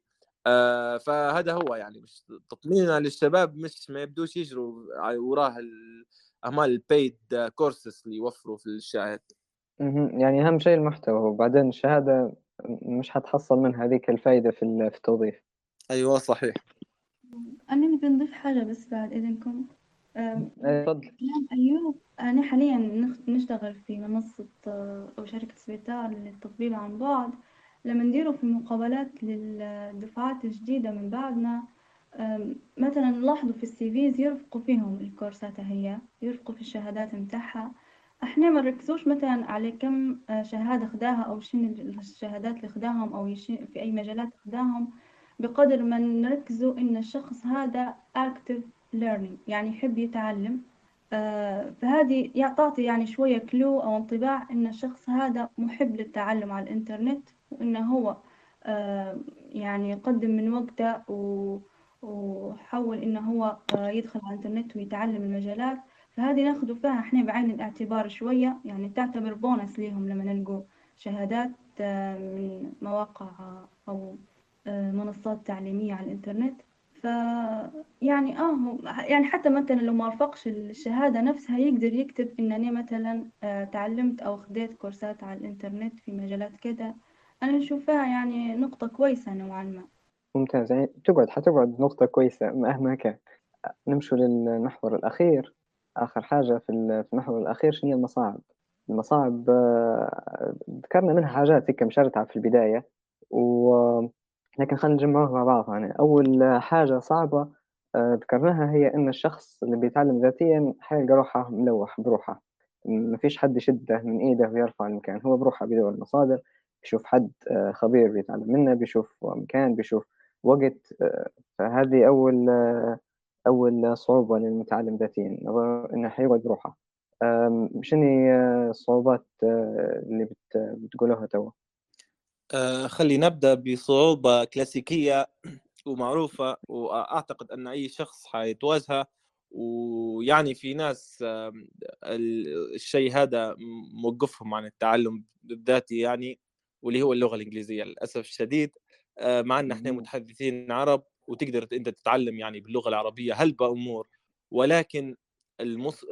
المصادر العربية للأسف مش كبيرة هلبة ومش قوية هلبة فاعتقد أن في مجالات أخرى ممكن تكون اللغة العربية يعني مكفية وموفية في المجال بس يعني أغلب المجالات لا أعتقد أن هي حتكون مصادر في مصادر باللغة العربية تكون يعني sufficient للمجال هو. الانجليزي مهم جدا. مهم مهم مهم. مش شرط يعني إنك أنت بتستخدم الإنجليزي كأداة للتحدث يعني لكن أقل شيء تعرف تقرأ وتكتب وأنك لما تسمع الناس تعرف تترجم. آه هذه يعني الحاجات أو النقطة الأساسية ال basic يعني ال basic اللي تخليك أنك أنت تولي يعني active learner على النت. لأن يعني قصدي خلينا نواجه الواقع المصادر مصادر في العالم كله 90% منها على الإنجليزي. وأي شخص باحث أو شخص معروف أو أو يعني خبير في مجاله حتلقاه منزل مقالات باللغة الإنجليزية. فهذا هو هذه الشيء كلاسيكي معروف عند الكل إن هذه فيها صعوبة. آه، أما الأشياء شنو ثاني عندنا صعوبة في الموضوع من غير انه طبعا الشغف والهدف والأمور هي أعتقد هذه النقطة بس اللغة الإنجليزية.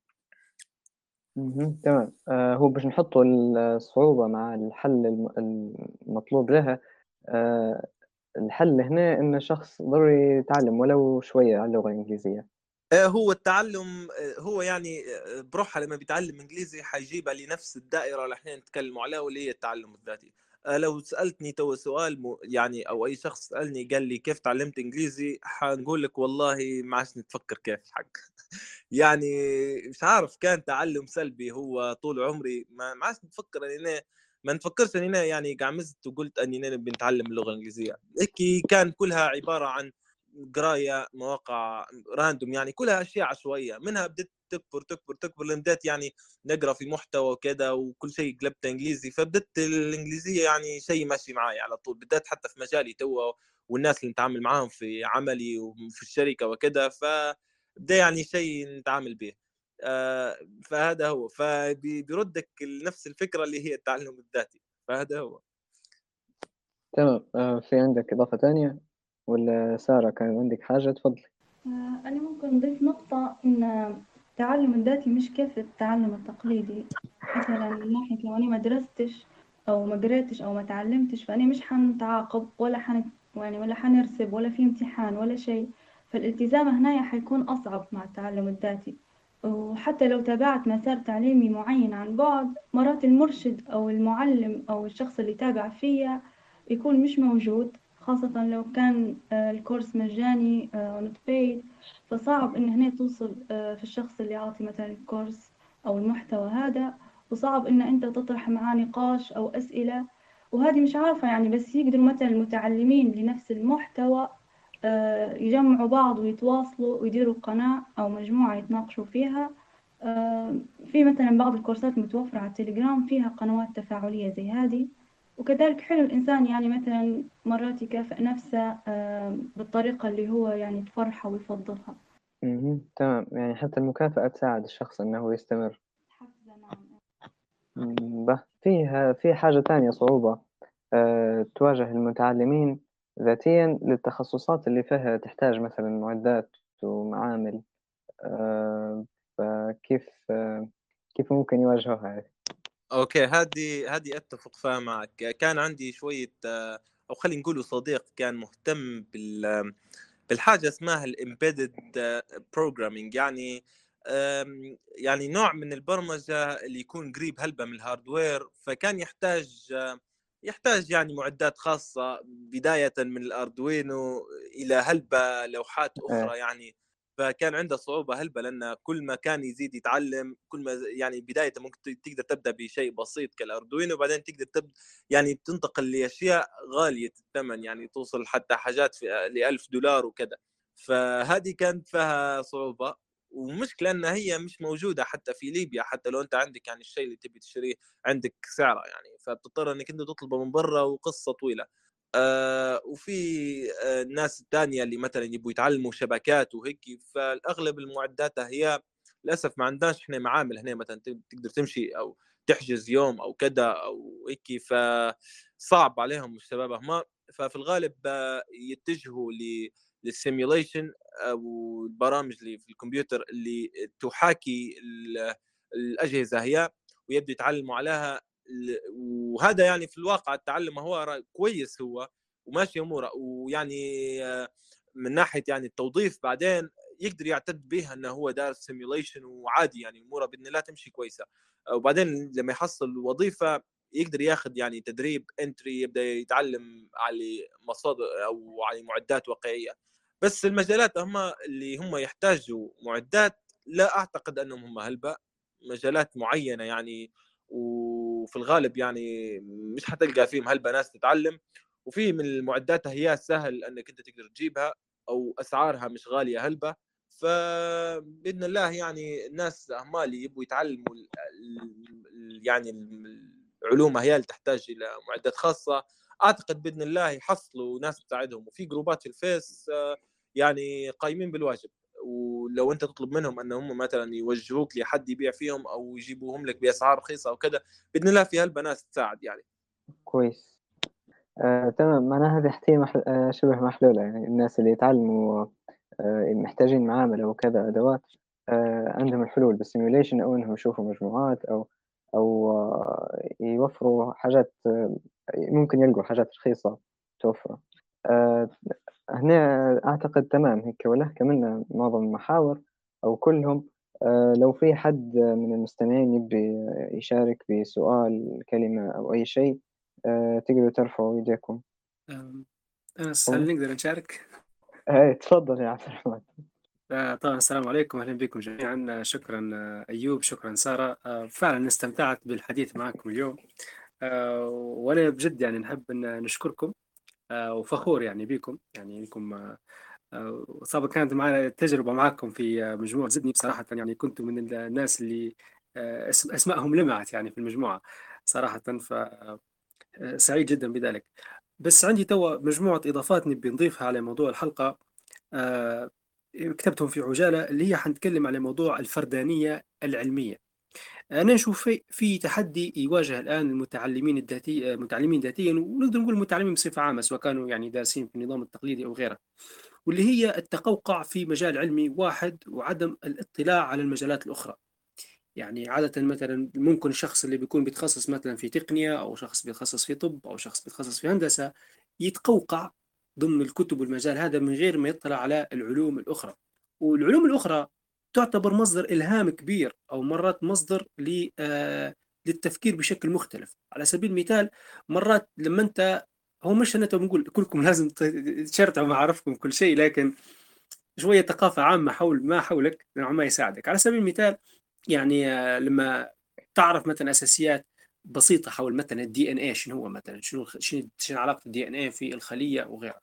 لما الواحد مثلا يفهم أثر ال DNA وكيف إنه يشكل خلايا وكيف إنه هو ضمن النواة داخلها مرات يلهمك في استحضار نظريات معينة أو طريقة معينة لبرمجه مثلا تطبيق ما إنك أنت بتحاول تدير كود داخلي بيكون هو أشبه بال DNA. مثلا هي فكرة تو يعني اعتباطية لكن الشاهد في الموضوع ان مرات معلومة ما أو نظرية ما في في علم آخر يقودك إنك أنت إلى إبداع يصير في مجالك. أيضا من ضمن ال- الفردانية العلمية خطورتها ان مرات تمنع الناس من تلقح الأفكار هي قريبة من الكلام اللي قلت هذا. فشنو المفروض يكون الحل؟ الحل إنه المفروض يكونوا في مجموعات عادة تعنى آه، بحل مشاكل معينة تكون فيها ناس يعني كنا نوادي تضم ناس من مختلف المجالات. إن هم على سبيل المثال نطرح إحنا توا مشكلة ما في مجتمعنا كل واحد حسب تخصصه يحاول يطرح حل أو إضافة من منظوره العلمي من خبرته العلمية يسمعها كل يعني كل الاعضاء لأصحاب المعارف الأخرى. هنا حيصير نوع من التلاقح يصير مرات حل آه، شمولي للمشكلة بدل من يتم علاجها من منظور واحد. النقطة الثانية اللي هي بنتكلم على موضوع الرجوع للأصل. هذا ممكن آه، من الحاجات اللي ينصح بها المتعلمين ذاتيا واللي هي إنك أنت لما بتجي تدرس مجال معين إنك أنت ما تبداش من فقط الكتابات الموجودة عندك وتنطلق. أيوب قالها جميلة جدا قال إنه لما بدأ يوصل لمرحلة الأدفانس أو المرحلة المتقدمة يلقى روحه مش قادر يستغنى عن الكتب ولا وبدأ يرجع للحاجات القديمة الأولى يعني المبادئ الأساسية زي الخوارزميات زي النظم كيف تتكون وكذا وهذا شيء صحيح. هذا موضوع مش فقط في المجال التقني هذا بجانب جميع العلوم. ولما جينا نتكلموا تو على موضوع العلوم الإنسانية بالذات باهي والعلوم اللي آه، فكرية نوعا ما. هنا الإنسان محتاج يرجع لحاجة اسمه في نظرية المعرفة. آه، يعني theory of knowledge. انك انت كيف تعرف المعرفة كيف تتشكل في الأساس؟ شنو مصادر المعرفة الأولى الأساسية؟ يعني زي معروفة هي تو إحنا في آه، فكرنا اللي هي المصادر الحسية اللمس والذوق والسمع والبصر والأمور هذه والمصادر العقلية اللي هي تستخدم عقلك. يعني الحاجات اللي ما تقدرش تذوقها وتحسها مثلا زي الرياضيات زي معادلة معينة بتحسبها تحتاج تفكير عقلي. والمصدر الثالث هو المصادر الخبري اللي انت لا تقدر تحسبها بعقلك هيك قاعد بروحك هيك تفكر تعرفها ولا انك انت بتحسها وبدك هاي زي الأخبار زي الأخبار الغيبية زي الأخبار التاريخية القديمة. فأنت تحتاج مصدر خبري. فتبدا ترجع ترجع من المصادر هذه بعدين تبدأ تفهم أنت شنو البديهيات المنطقية. هذا كله ضمن علم يسمى فيه نظرية المعرفة. أنا نشوف هذا مهم لجميع الدارسين لجميع العلوم. لأن الأساسات هذه نظرية المعرفة والأساس المنطقي تتعلم أساس المنطق الصحيح هو نوع ما جذور اللي راح. كل العلوم حترجع منها.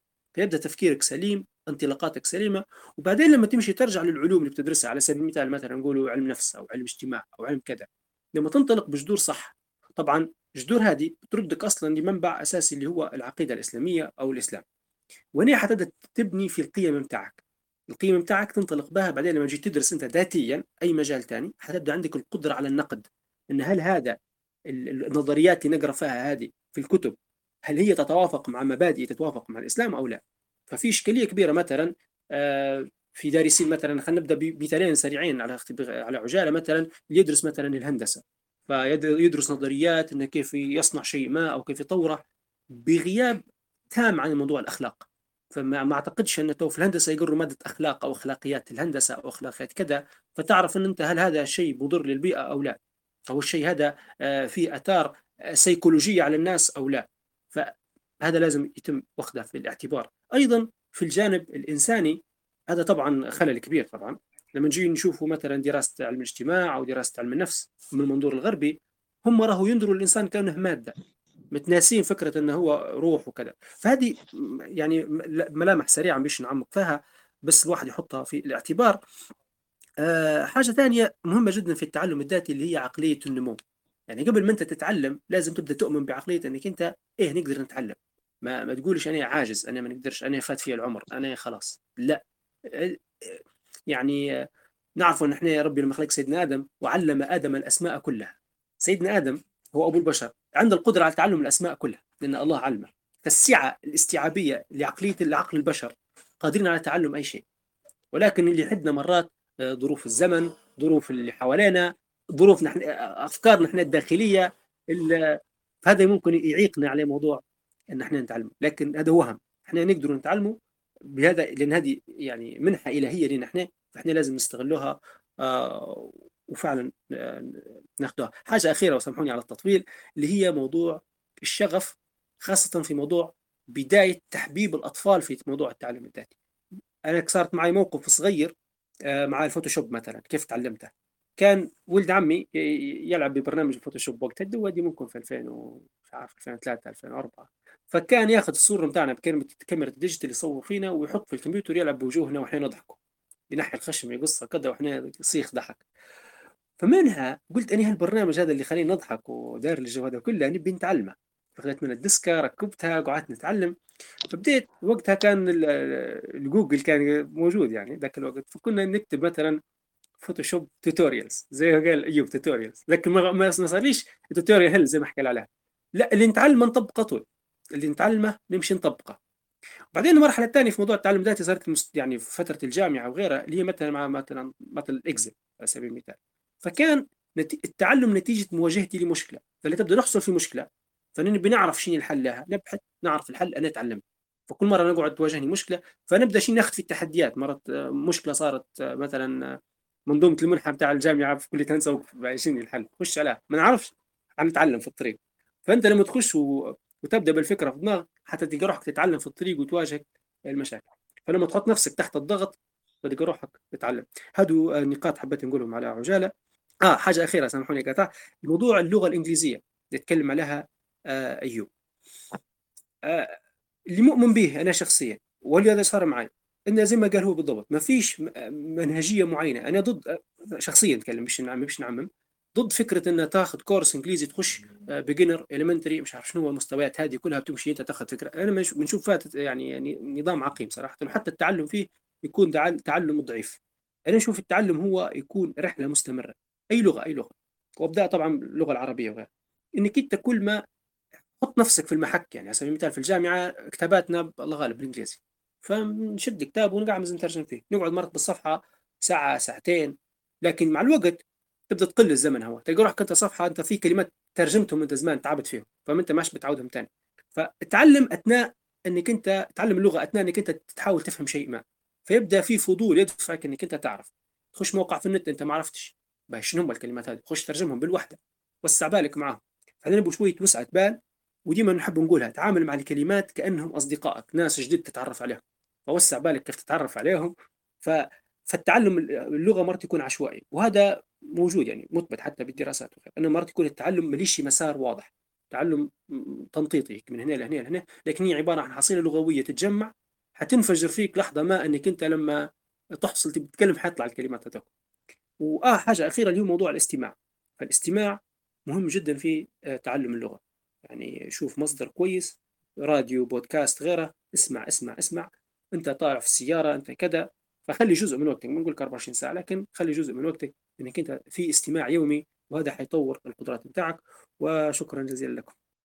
شكرا لك عبد الرحمن. آه، إضافات جميلة. واحدة من الحاجات اللي قلتها أنت اللي هي إن الشخص لما بيتعلم يشوف مثلا مشاريع أو حاجات يطبقها من خلالهم حيتعلم.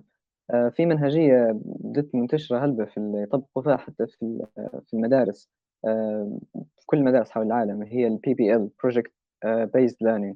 اللي هو التعليم عن طريق المشاريع بادين يعني من الصغار من الكي جي يعني قبل من الروضة التمهيدي قبل الصف الأول ماشيين به والمنهجية هذه ممتازة وناجحة فحتى الشخص اللي بيتعلم ذاتيا لو بيمشي بها كويس. آه، أي حد عنده سؤال أو مشاركة فليتفضل. طبعا هو من بداية الحلقة كنت متوتر بهلبة بشكل مش عادي لكن الحمد لله مع التدريزة معكم آه، مشت الأمور. لا بالعكس يا أنس أنت كنت بسأل عليك اليوم. كويس. آه، أنا فكرت فيديو نبي نحكي عليه شوية. هو ملخص لكتاب اسمه آه، The Science of Self-Learning. الفيديو هذا تكلم عن مبادئ التعلم الذاتي لتحقيق استفادة أكثر يعني أثناء التعلم. كانت واحدة من المبادئ هذه آه، التعرف على هرم النجاح التعليمي اللي هو Learning Success Pyramid. الهرم هذا اتفرع منه ثلاث نقاط مهمة اللي هي ال confidence الثقة وإدارة الذات self management والتعلم ال learning تكلم فيهم بحيث إن كل مرحلة فيهم مبنية على الأخرى. يعني مثلا الأولى آه، مرحلة اكتساب الثقة أو الكونفيدنس لو مثلا المتعلم تعرض فيها لأي مشاعر سلبية لو مثلا ظروف ما ساعدتاش من ناحية انشغاله أو مثلا ما كانش قادر إنه هو يوفق وإنه هو ينظم وقته أكتر وهذه للأسف واقعية وتصير هلبة. فجسمه هنا يدير ردة فعل آه، يسموا فيها fight or flight response. وتكون مبالغ فيها فتخليه مثلا مش قادر إنه هو يحرز أي تقدم ملحوظ في التعليم فخلاص يحبط ويقول أنا ما عادش بنكمل آه، هي نفسها هذه ردة الفعل الغريزية اللي يحسها الإنسان لما يتعرض مثلا للخطر واللي مسؤول عليها في الدماغ آه، جزء اسمه أميجدلا هو المسؤول الجزء المسؤول عن المشاعر. فلما الإنسان يكون من يعني المتعلم يوعى بالمشاعر هي والأفكار هي والتغيرات اللي تصير في جسمه آه، يواجه ذلك بكل ثقة. فيقدر مثلا إنه هو يتخطاها المرحلة هذه بنجاح ويدخل على المرحلة الثانية اللي هي إدارة الذات. إدارة الذات اللي مش موجودة في التعليم التقليدي لأن فيه معلم بينما في التعلم الذاتي المتعلم هو يعتبر معلم وطالب في نفس الوقت. فهو محتاج هنا يتعلم إدارة آه، مهارة إدارة الذات وكذلك آه، مهارة إدارة المحتوى يعني ال self management وال content management كيف يدير ذاته وكيف يدير المحتوى المجال اللي قاعد يتعلم فيه. بعد ما مثلا ما آه، يكون واعي بيهم ويكون عنده إلمام بيهم ينتقل للمرحلة الأخيرة واللي حينتقل ليها بسهولة تامة وهي التعليم. يعني مش طول يخش على التعلم لا يمر بالمراحل هذه قبل قبل التعلم قبل بعدين يخش على مرحلة التعليم. مرحلة التعليم هذه مسؤول عليها في الدماغ آه، جزء اسمه الهايبوكامبس. آه، الجزء هذا يحول الذاكرة قصيرة المدى لطويلة المدى. فيكون هنا خلاص يعني رح المعلومة اللي ياخدها تمشي باسف آه، ما يواجهش مشاكل هلبة حتى تصير معاه ظروف يقدر يعني يتحداها أو يواجهها بشكل أفضل. فالفيديو هذا الحق حبيته هلبة إن شاء الله حتى هو حنشاركه معاكم تشوفوه أكتر مازال فيه تفاصيل هلبة. آه غير تو تفكرت بس. آه، شكرا. بارك الله فيك يا سارة. آه، تميم لو عندك إضافة تفضل. السلام عليكم. مشكورين جدا آه، وعليكم السلام ورحمة الله. مشكورين جدا على هذا الطرح وهذا النقاش والله استمتعت جدا واستفدت. بارك الله فيكم. آه في سؤال عندي. أنا مش عارف ما التحقتش من البداية كنت مشغول شوية مش عارف هل تناولت الموضوع أو لا. آه صراحة أتمنى نعرف شنو في منصات في ليبيا. لو هيك مثلا عاصف ذهني سريع آه، بغض المستويات يعني شنو فيه منصات وبغض هل كانت عامة أو متخصصة آه، فلو تطرحوا لنا أسماء المنصات التعليمية في ليبيا مجانية أو غير مجانية عامة متخصصة آه، هيك نحب نسمع شنو فيه من منصات في ليبيا. بارك الله فيكم مرة أخرى. شكرا لكم. السلام عليكم. أعتقد عندي في بالي منصة يعني مش نكون معك صريح يعني أستاذ تميم ببساطة المنصات الليبيه على ما أعتقد أنهم هم اثنين أو ثلاثة تمام؟ أنا توا نتفكر في منصة دورات فقط وفي منصة أخرى منصة حصة على ما أعتقد وما عادش نفكر كويس ممكن حصة ودورات حصة كويسة على ما أعتقد فيها كورس نتاع نتاع السي في محمد الباوندي وفي كورس آخر. الله أعلم عادش نفكر كويس. بس فقيرة جدا يعني بالمحتوى لحد الآن قاعدة في البدايات. في منصات عربية أخرى مازال أقوى. بس هذا هم المنصات الليبيه قلت لك هم ثلاثة على ما أعتقد بس نفكر في منصة دورات ومنصة حصة. ويعني الاثنين قاعدات فقيرات شوية بالمحتوى.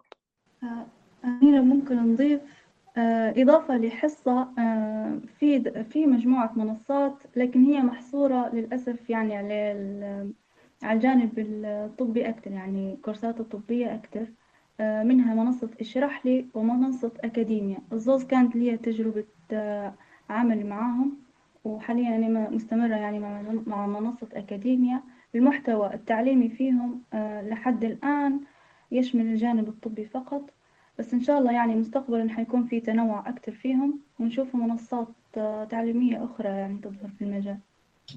أوه إن شاء الله. آه عدد لا بأس به لا يوجد يوجد حتى إيضاح. في منصة إيضاح خاصة أصلا حسب علمي إنها في المجال الطبي أكثر. المدة اللي نعم. فاتت دايرة دايرة مشيك باختيار تخصص أو شيء هيك أونلاين مديرين حملة قرار بالتعاون مع المركز الطلابي. بالضبط. هي إيضاح طبعا مركز تدريب على الأرض ولكن من مدة مهتم بموضوع ال- ال- المنصة التعليمية آه، الأونلاين آسف أقصد الأونلاين يعني. وأنا المدة اللي فاتت بحثت حتى على المناهج الابتدائية الإعدادية صراحة. آه، ما قابلنيش آه، هيك منصات يعني محترفة زي ما نقولوا. تعطي في منا في يعني دراسة منهجية مثلا أو تبسيط المواد العلمية خاصة بالإعدادي والابتدائي. هي في البداية منصة اشرح لي كانت توفر في كورسات لل... تقريبا للثانوية المنهج الثانوي لكن بعدين قعد تركيزهم أكثر على التخصصات الطبية. فحاليا أغلب الكورسات فيها طبية وكذلك أكاديمية وكذلك إيضاح ما يعني يعتبروا متبعين نفس النهج. بس إن شاء الله نشوفوا تنوع في المجالات أكثر. إن شاء الله والله. آه أحمد آه أحمد تفضل لو عندك آه كلمة. أحمد الكبير. م، طلع ممكن. أم همام. تفضلي أم همام. أهلا وسهلا. واضح. آه آه، واضح. تفضلي. عذرا أنا آه، يعني ما سمعتهاش من البداية لكن آه، هي التعليم الذاتي وكأن ال- يعني تعليم أونلاين. هو التعليم أونلاين جزء من التعليم الذاتي. أنا نحكي على تجربتي okay؟ مهم.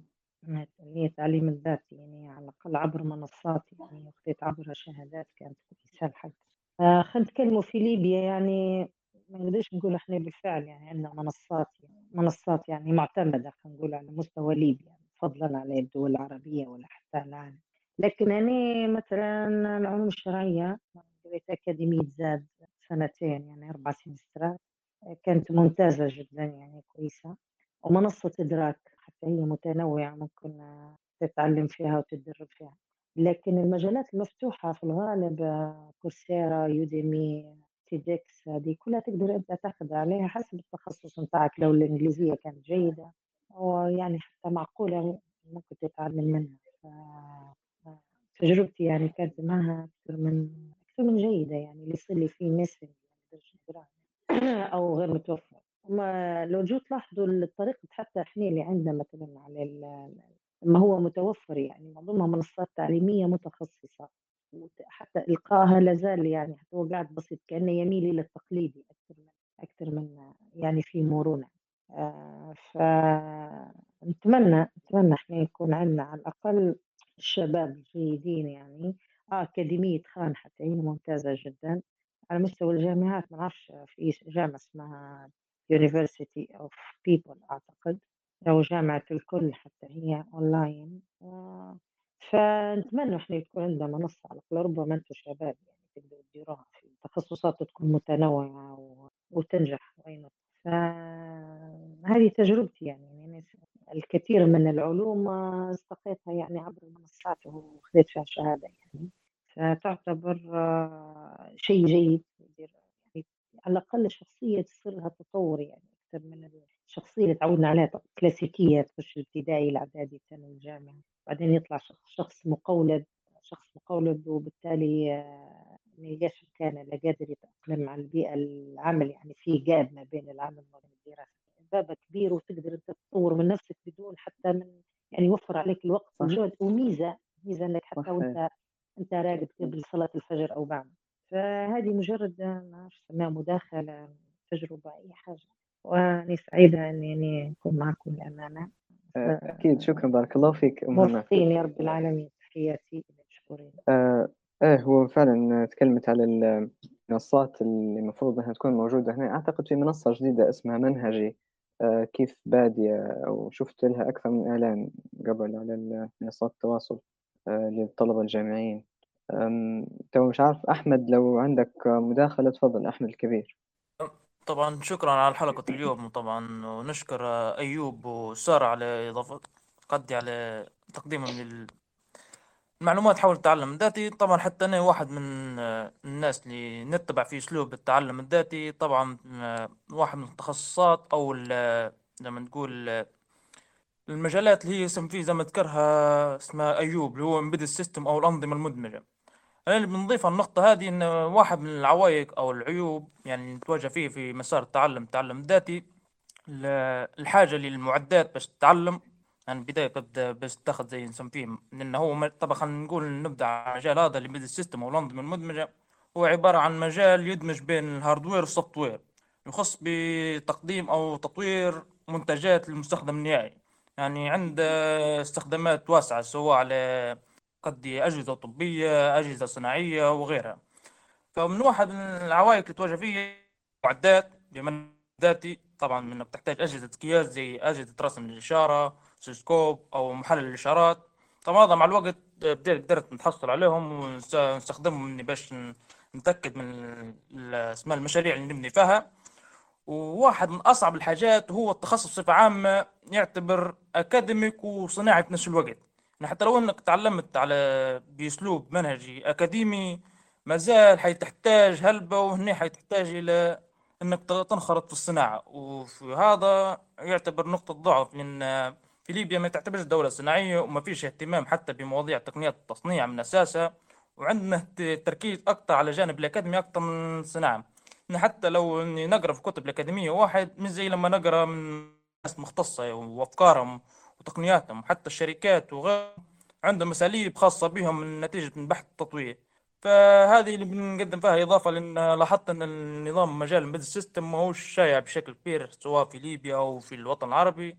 لكن شوف انه مجال مهم بالأخص مع ثورة الإنترنت الأشياء وحتى إن في شركات بدت يعني تستثمر فيه بشكل كبير زي مثلا على سبيل المثال شركة إنتل من فترة سمعت إنهم دايرين استثمارات سواء في مجالات السيارات الذاتية السيارات الذكية يعني autonomous car وعندهم معالجات يعني حتى بمعماريات جديدة.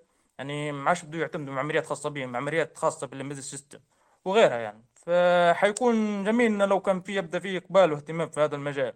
طبعا مش حيكون قد مش حيكون عندي إشكالية حتى نقدر نساهم بالمحتوى اللي عندي مع الوقت. فكانت عندي مدونة مرة مرة نكتب فيها فمن وقتها ما عادش كتبت وهذه إضافتي طبعا. سبحان الله. هو يا أحمد أنا لما ذكرت ان عندي صديق أنا كنت نقصد عليك أنت. آه إيه. أوه يا سلام. صدفة والله. آه هو إيه، حتى جد. التخصصات هي مطلوب يعني إن نحققوا ال- الكفاية فيها زي ما قلنا قبل إن ال- العلوم هذه فرض كفاية يعني ضروري المجتمع يكون فيه العدد الكافي من المتخصصين فيها. إيه بالضبط. مهم. تمام. أي إضافة ثانية؟ شكرا يا أحمد. آه، أي حد عنده إضافة ثانية؟ أنا بس ممكن أي نعم عندي تفضل يا عبد الرحمن. إضافة بسيطة بس ممكن تاخذ بعض المداخلات. أه، تفكرت شيء بخصوص التعلم الذاتي هي فترة الجامعة مريت بها اللي هي وصلت لقناعة أنه الجامعة لما كنت نقرأ يعني مهما كان العلم اللي بناخذه من هذاك الوقت هو يعتبر يساعدني نوعا ما على موضوع تحصيل عمل ووظيفة يسميه خارج البيت فدرت نظرية داخل البيت خارج البيت. فكان في تساؤل ديما عندي بهي كيف نتصرف أنا داخل البيت؟ يعني في الحوش يعني بنتعامل مع أمالية لو بعدين تزوجت كيف نتعامل مع زوجتي كيف نتعامل مع الأبناء.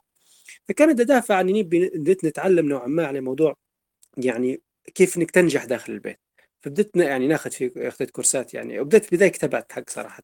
في كتب الجيب كانت موضوع إنك كيف تفهم الطرف الآخر آه له علاقة موضوع الرجال والنساء وبعدين كيف تتعامل مع يعني الجنس الآخر. ف فصراحة استفدت منه في موضوع حتى تعاملي مع أمي مع أخواتي مع غيرها. فهذه واحدة من الحاجات. بعدها بدأت ناخذ في كورسات اللي هو موضوع التأهيل النفسي يعني للمقبلين على الزواج وغيره فهذه في موضوع في موضوع موضوع يعني مجموعة سلاسل يعني على اليوتيوب صراحة جميلة جدا وممتازة. آه، يعني تهيئ الشباب. هذا كله يعتبر ضمن التعليم الذاتي. فممكن نقدر نختصر من الكلام اللي قلته هذا إنه إحنا لازم ديما نسالوا بينا وبين نفسنا شنو الحاجات اللي ناقصة عندنا؟ شنو الأمور اللي إحنا محتاجين نتعلموها باش تولي حياتنا أحسن؟ سواء كانت في أمورنا الاجتماعية كانت في مش لازم كل شيء تعلم ذاتي هو له علاقة إنك أنت باش تحصل وظيفة باش تحصل فلوس. لا أنت كيف؟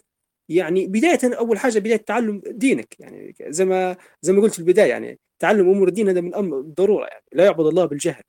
فإنك تاخذ كتاب وتتعلم هذا يعتبر كله ضمن التعلم الذاتي. فما نبوش نحصر التعلم الذاتي فقط هو كورسات هو عبارة عن مستويات ليفلز تصل له مكي لا أشمل الموضوع بتاعه واسع ومتحرك. فشكرا جزيلا لكم. شكرا لك يا عبد الرحمن. أه تفضلي ماريا تقريبا. ماريا. السلام عليكم. وعليكم السلام ورحمة الله. أه بارك الله فيكم على على هذه المحاضرة. الجميلة كان جميل جدا. وكل مرة نستفيد أكثر حسيت روحي حتى يعني كبرت يعني مع مع المجموعة هذه فيعني في ميزان حسناتكم إن شاء الله نفعنا الله بكم. عندي مداخلة وسؤال. المداخلة الأولى هي غير إضافة على كلمة سارة على العقل وهيك يعني فيها البنات يقولوا أن مثلا هم يعني ذاكرتهم فاشلة أو حاجات زي هذه فني كنت غير بندخل كلمة الليون العقلية اللي هي أن العقل محتاج أنك تمرنه بس باش توصل لمهارة ما يعني. فهذه الليون العقلية موجودة عند الناس كلها. فللأسف يعني فيها البنات يحسبوا أن المهارات كلها يعني فطرية بس لكن هي في هلبة مهارات مكتسبة. فيعني يعني نحس فيها أن هذه يعني مهمة جدا.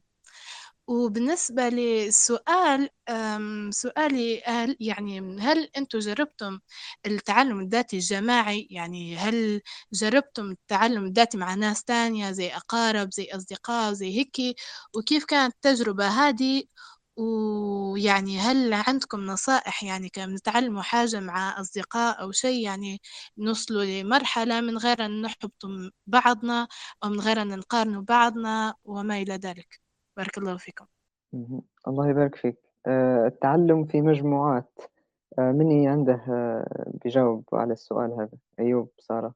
أو أي حد من ال للأسف الشديد لا عنديش تعلم مجموعات. ممكن لي أنا المجال أو الجهة اللي أنا كنت متعلم فيش هلبة. بس لا للأسف ما عنديش خبرة في المجال هذا هلبة. من ناحية هي يعني. نفس الشيء أنا ما كانش عندي أي تجربة جماعية لكن حاليا مؤخرا متابعة في كورس في اللغة الطبية ضمن مجموعة هي عن بعد لكن دايرين مجموعة مع بعض. نتابعوا فيها مثلا الإعلانات الجديدة اللي تنزل بخصوص الكورس نتناقشوا على المواعيد الجاية لو في حاجة مش فاهمينها نسألوا بعض فيها. مثلا لو في نقطة معينة أو في مصدر معين مفيد يحطوا فيه. فنشوف إنه ممكن آه، لو مثلا المجموعة هذه بعيدة عليك تنظموا جروب أو مجموعة آه، على التليجرام أو الواتساب أو أي وسيلة تريحكم وتناقشوا فيها عادي مفيش مشكلة. أعتقد إن المجموعة وجودها في حد ذاتها هو تحفيز يعني تحفيز وتشجيع ليك أه ولو كنتوا يعني تتلاقوا حتى هي أفضل وأفضل وأفضل يعني ممكن تتلاقوا في مكتبة معينة. تابعوا مع بعض بالذات لو مثلا المجال اللي تاخدوا فيه في مجموعة تاسكات أو حاجات يعني تبي منكم براكتس أكتر تمارين. فأنتم تقدروا تتلاقوا وتحلوها مع بعض وتناقشوا فيها. فالحق هذه لأني قاعدة يعني حاليا فيها التجربة هذه ممكن لنا شهر أو أقل بادين فيها. بس نشوف فيها مفيدة جدا. أنا شخصيا فادتني. ولحد الآن يعني تعتبر المجموعة مريحة وفي فائدة كبيرة يعني فيما بيننا. تمام. إن شاء الله حصلت الإجابة يا مريم آه، عندي سؤال تو لسارة وأيوب. أيوب قلت أنك أنت بديت آه، في يعني في مشوارك مع التعلم الذاتي في سنة 2018 فلو يرجع بك الوقت لل قبل 2018 بأسبوع بس مع كل المعلومات وخبرتك اللي عندك الحالية. شنو الحاجات اللي كنت حتغير فيها أو التعديلات اللي كنت حتديرها في في طريقك في التعلم الذاتي؟ والله هو السؤال حق في محل. أنا مفكر قديش مرة على إني أنا كان رجعت بنفس ما نقولش بنفس المعلومات اللي عندي توا لا لا بنفس تقدر تقول بنفس الطريق اللي أنا مشيت اللي مشيت فيها أو يعني تو نشبح فيها إنها هي أحسن طريق. أعتقد راهو تو بديت سوبرمان يعني في مجالي آه، هذه أبسط شيء. لأن الحق الامانه يعني أول نقطة بكري ذكرتها نقطة أن المفروض يكون عندك شخص آه، يوجهك أو يعطيك ال baby steps يعني مش أنك أنت تمشي المجال أنا الامانه ما كانش عندي يعني ال luxury هذه وما حصلتهاش. ف... فأغلب الشيء كان trial and error يعني. فممكن 2018 تقدر ت... تقدر تقول أن يعني اللي طلعت به منها مش هلبة. يعني فعليا نستخدم فيها أنا اليوم مش هلبة. بس لأن ما كانش عندي معلومات صحيحة يعني على على الطريق اللي المفروض نمشي عليها. فكنت نحاول نتعلم في هلبة حاجات عشوائية وهيك فلين في الأخير بدأت نظبط في طريقي مع بشوية 2019 كانت معبية داتا ونظبط شوية وخلاص وتمام. 2020 آه خلاص يعني بديت كلها ماشية لقدام. اللي نتعلمه كلها نستفيد منه وكذلك قاعد مستمر معي لتوا بس النقطة اللي مبكري قال عليها عبد الرحمن بتاع نقطة أن الشخص يبدأ منفرد في المجال بتاعه بس أنا هذه توا الفترة هي كنت مفكر فيها يعني أن آه، أنا يعني صار لي بورن أوت يعني في مجالي وبديت مركز على مجالي هلبة وبدأت يعني نفوت حتى في المجالات الأخرى. ف... فهذا الشيء أنا نشبح فيه حاليا أنه هو مشكلة. و... ويعني بنخطط له أنه هو بنبدأ بإذن الله أنا حاليا مخطط أن بعد ما نتم الدراسة اللي هو الجامعة لأن حاليا ما عادش عندي أي دقيقة يعني زايدة يعني نقدر نضيفها يعني آه، فحاط في بالي إنه بعد ما تتم الدراسة الوقت اللي كنت أنا نستخدم فيه في الدراسة نبدا نستخدم فيه مش نتوسع في أمور أخرى خارج مجالي يعني كليا ما لهاش أي علاقة باخرى خارج بكل يعني وتكون يعني بتكون في الغالب حتكون عشوائية يعني ننقص بين المجالات الأخرى. فهذا شيء أنا تو حاطه في بالي. آه هذا هو. ممكن لو خلينا نرجع لسياق السؤال. لو أنا رجعت آه اسمه أو ما بديت بنفس الطريق اللي أنا ماشي فيها أو بنفس يعني هل كنت حنمشي بنفس الطريق اللي أنا مشيت بها قبل؟ لا. كنت حنحسن الطريق يعني. أه لو عندي نفس المعرفة اللي عندي توا. بس هذا هو. شكرا يا أيوب. أه قبل ما نمشي لسارة أه أم همام لو عندك مداخلة. أيوة السلام عليكم. أه حضرتك لما قلت على التعليم كجروبات هو إحنا غالبا يعني انت في الحوش الواحد ما تلقاش ممكن الناس أه نفس الاهتمامات باهية لكن خلينا نقول لك هي تقريبا آه، آه، مثلا خلينا نشوفوا مثلا على مستوى خلينا نقول العنصر النسائي مثلا. تلقاهم في اهتماماتهم مش مثلا يشتركوا في اهتمامات مثلا الطبخ فتلقى جروبات الطبخ يعني آه، فيها عدد متابعين كبار وعدد كبير يعني دارت حتى improvement حتى على الثقافة الغذائية ربما باهي أنا بالمناسبة في العلوم الشرعية العلوم الشرعية كنا نقرب ك groups. كتاب التوحيد كنا نقروا نديروا في group للمراجعة. فعلا هي زي ما قالت الأخت سارة يعني اللي هو فعلا يحفزك و آه، الأشياء اللي ما تكونش فيها التزام ديما الناس تحس روحها مريحة يعني مرتاحة أكثر زي المدرسة أو الجامعة أو الأكاديمية أو تلقى حاجة ستريكتد يعني ضروري إنك تمشي الصبح ضروري تدير فتلقى ديما إنك يعني ديما في زي ما تقولي حالة رفض يعني. فهذه طبعا التعليم عن بعد دي ما في شوية أريحية فتقدر تتملص منها مرات تبيش تسمع محاضرة. فالعلوم الشرعية بصفة عامة يعني تجربتي من 2014 تقريبا آه، حفظ القرآن دورات مخارج الحروف القراءات العشر آه، كتاب التوحيد من غير قلت لك الأكاديمية ضفتنا أكاديمية زاد حتى يعني وقريتها وتسمع المحاضرات أونلاين ولا تسمعها عبر التلفاز ولا تبع تخش امتحانات وجروبات قلت لك كنا متتبعين مع بعضنا ف آه، جيدة جدا. بالمناسبة أنا دخلت حتى مع مصريين يعني تخصصي قلت لك البيت الواحد تلقى فيه تخصصات مختلفة فمن الصعب إنه أو حتى الأصدقاء أو حتى الأقارب من الصعب إن يشتركوا في تخصص واحد يقروه على سبيل المثال خلينا نقول اللغة الإنجليزية حتى على مستوى اللغة حتلقى levels يعني مش كلهم في نفس ال level واحد. لكن في العلوم الشرعية في العلوم زي ما قلت لك الطبخ ربما الرياضة الريجيم الحاجات هي ربما يشتركوا فيها. فممكن هي تلقى فيها حتى عدد المتابعين تلقاهم هنا بحكم تخصصي تخصصي DNA biomedical science يعني medical genetic forensic genetic فأنا تقريبا ما عنديش يعني حتى لما نجي نقرأ بتخش مع ناس متخصصة. هذه ربما بتبحث لها بشيء خصوصي. على مستوى ثاني قريت أنا مع المصريين يعني بالمناسبة. حتى ما يقروا في groups يعني هذه حاجة إضافة يعني. ف من الجيد من الجيد إن الواحد يعني يكون يحصل يعني على الأقل نوع من التحفيز. نعم وبارك الله فيكم مشكور بارك الله فيك. إيه الله يبارك فيك أم همام. أوكي آه عبد الرحمن لو عندك إضافة. أم، بالنسبة لي آه، موضوع السؤال اللي كان كيف إنك تدرس مع مجموعة.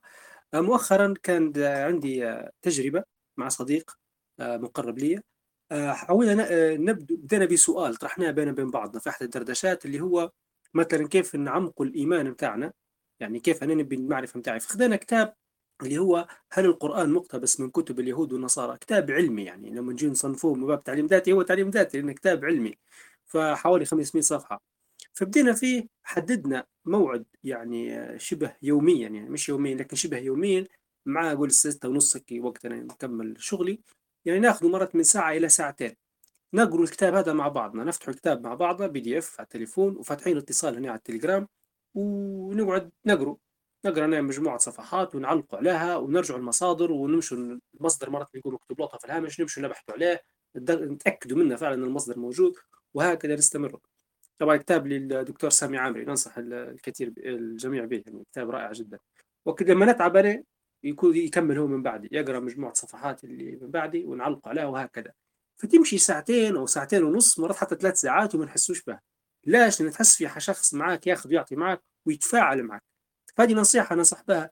أرى مرات محتاج شخص واحد أنت مش محتاج جروب كامل وغير مرات تجاملوا في بعضكم وغيره شخص واحد. قلبه معك على نفس السؤال البحثي اللي تبحث عليه. هو يبي يعرف إجابة السؤال هذا اللي هو أو ما معرفة مهارة معينة يبي يتعلمها فلهذا هذا اللي ننصح به وشكرا لكم. شكرا عبد الرحمن. آه زينب آه تفضلي تو لو بت بتقولي حاجة. آه أهلا. أيوة.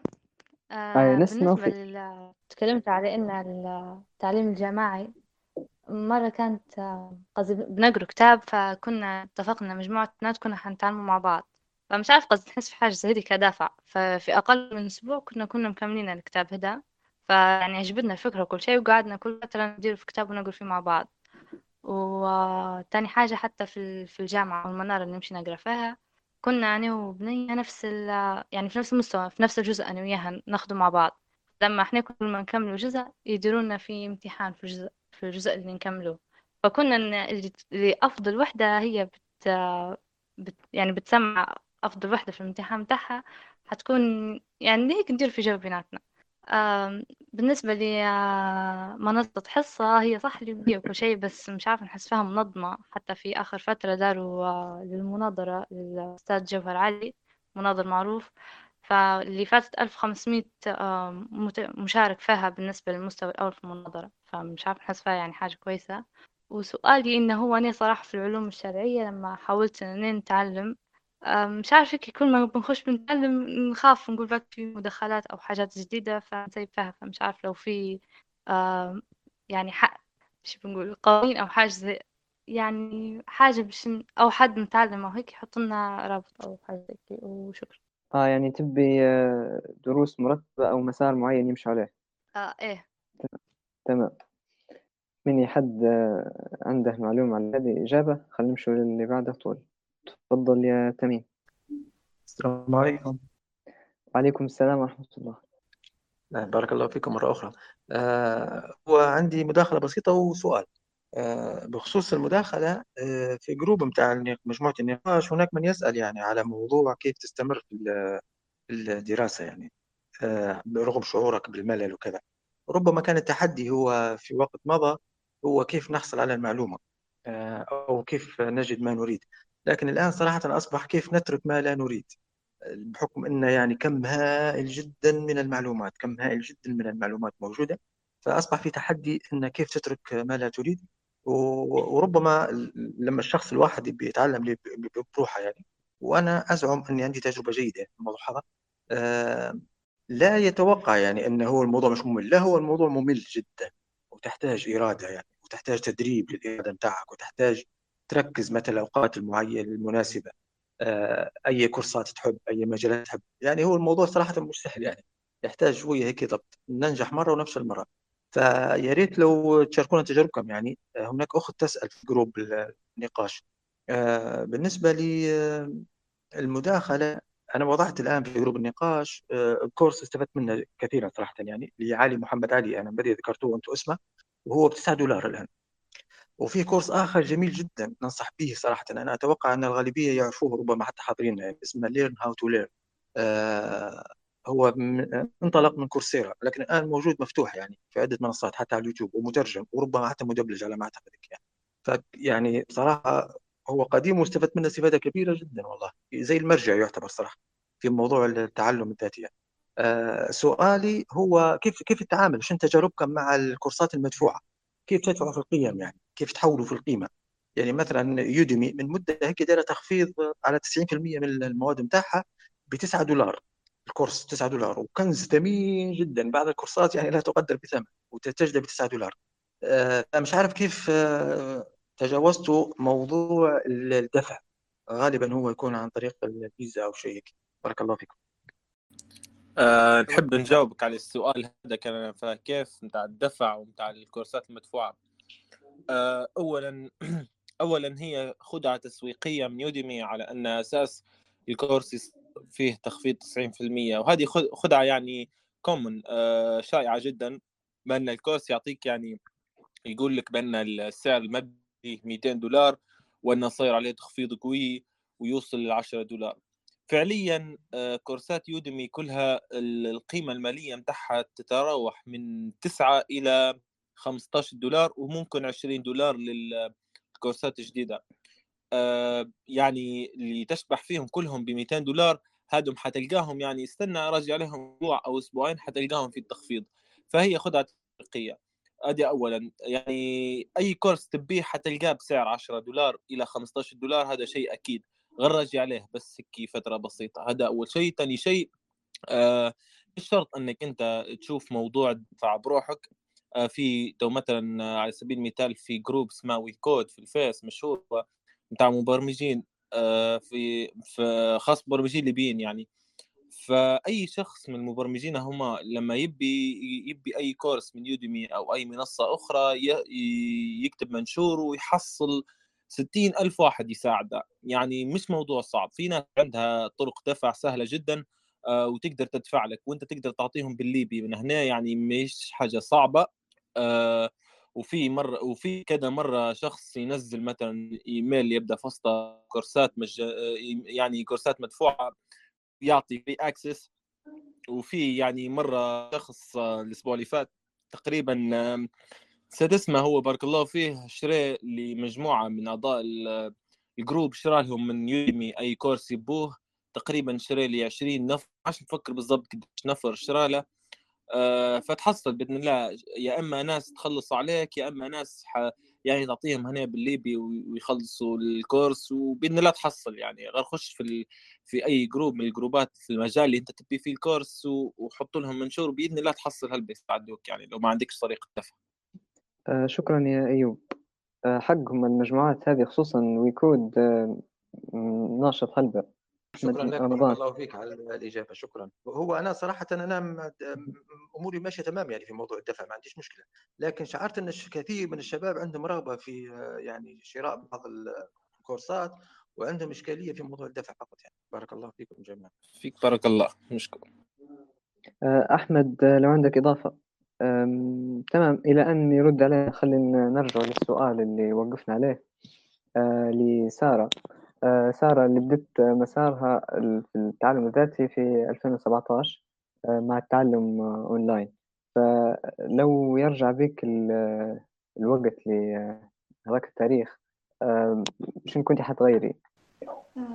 أنا الفترة هذيك أساسا يعني نعتبر من 2017 ل 2020 آه، تابعت فيهم عدد مهول وكبير جدا من المساقات والكورسات في مختلف المجالات لو يرجع بي الوقت كنت آه، ما كنتش حنكون عشوائية زي هذيك الفترة.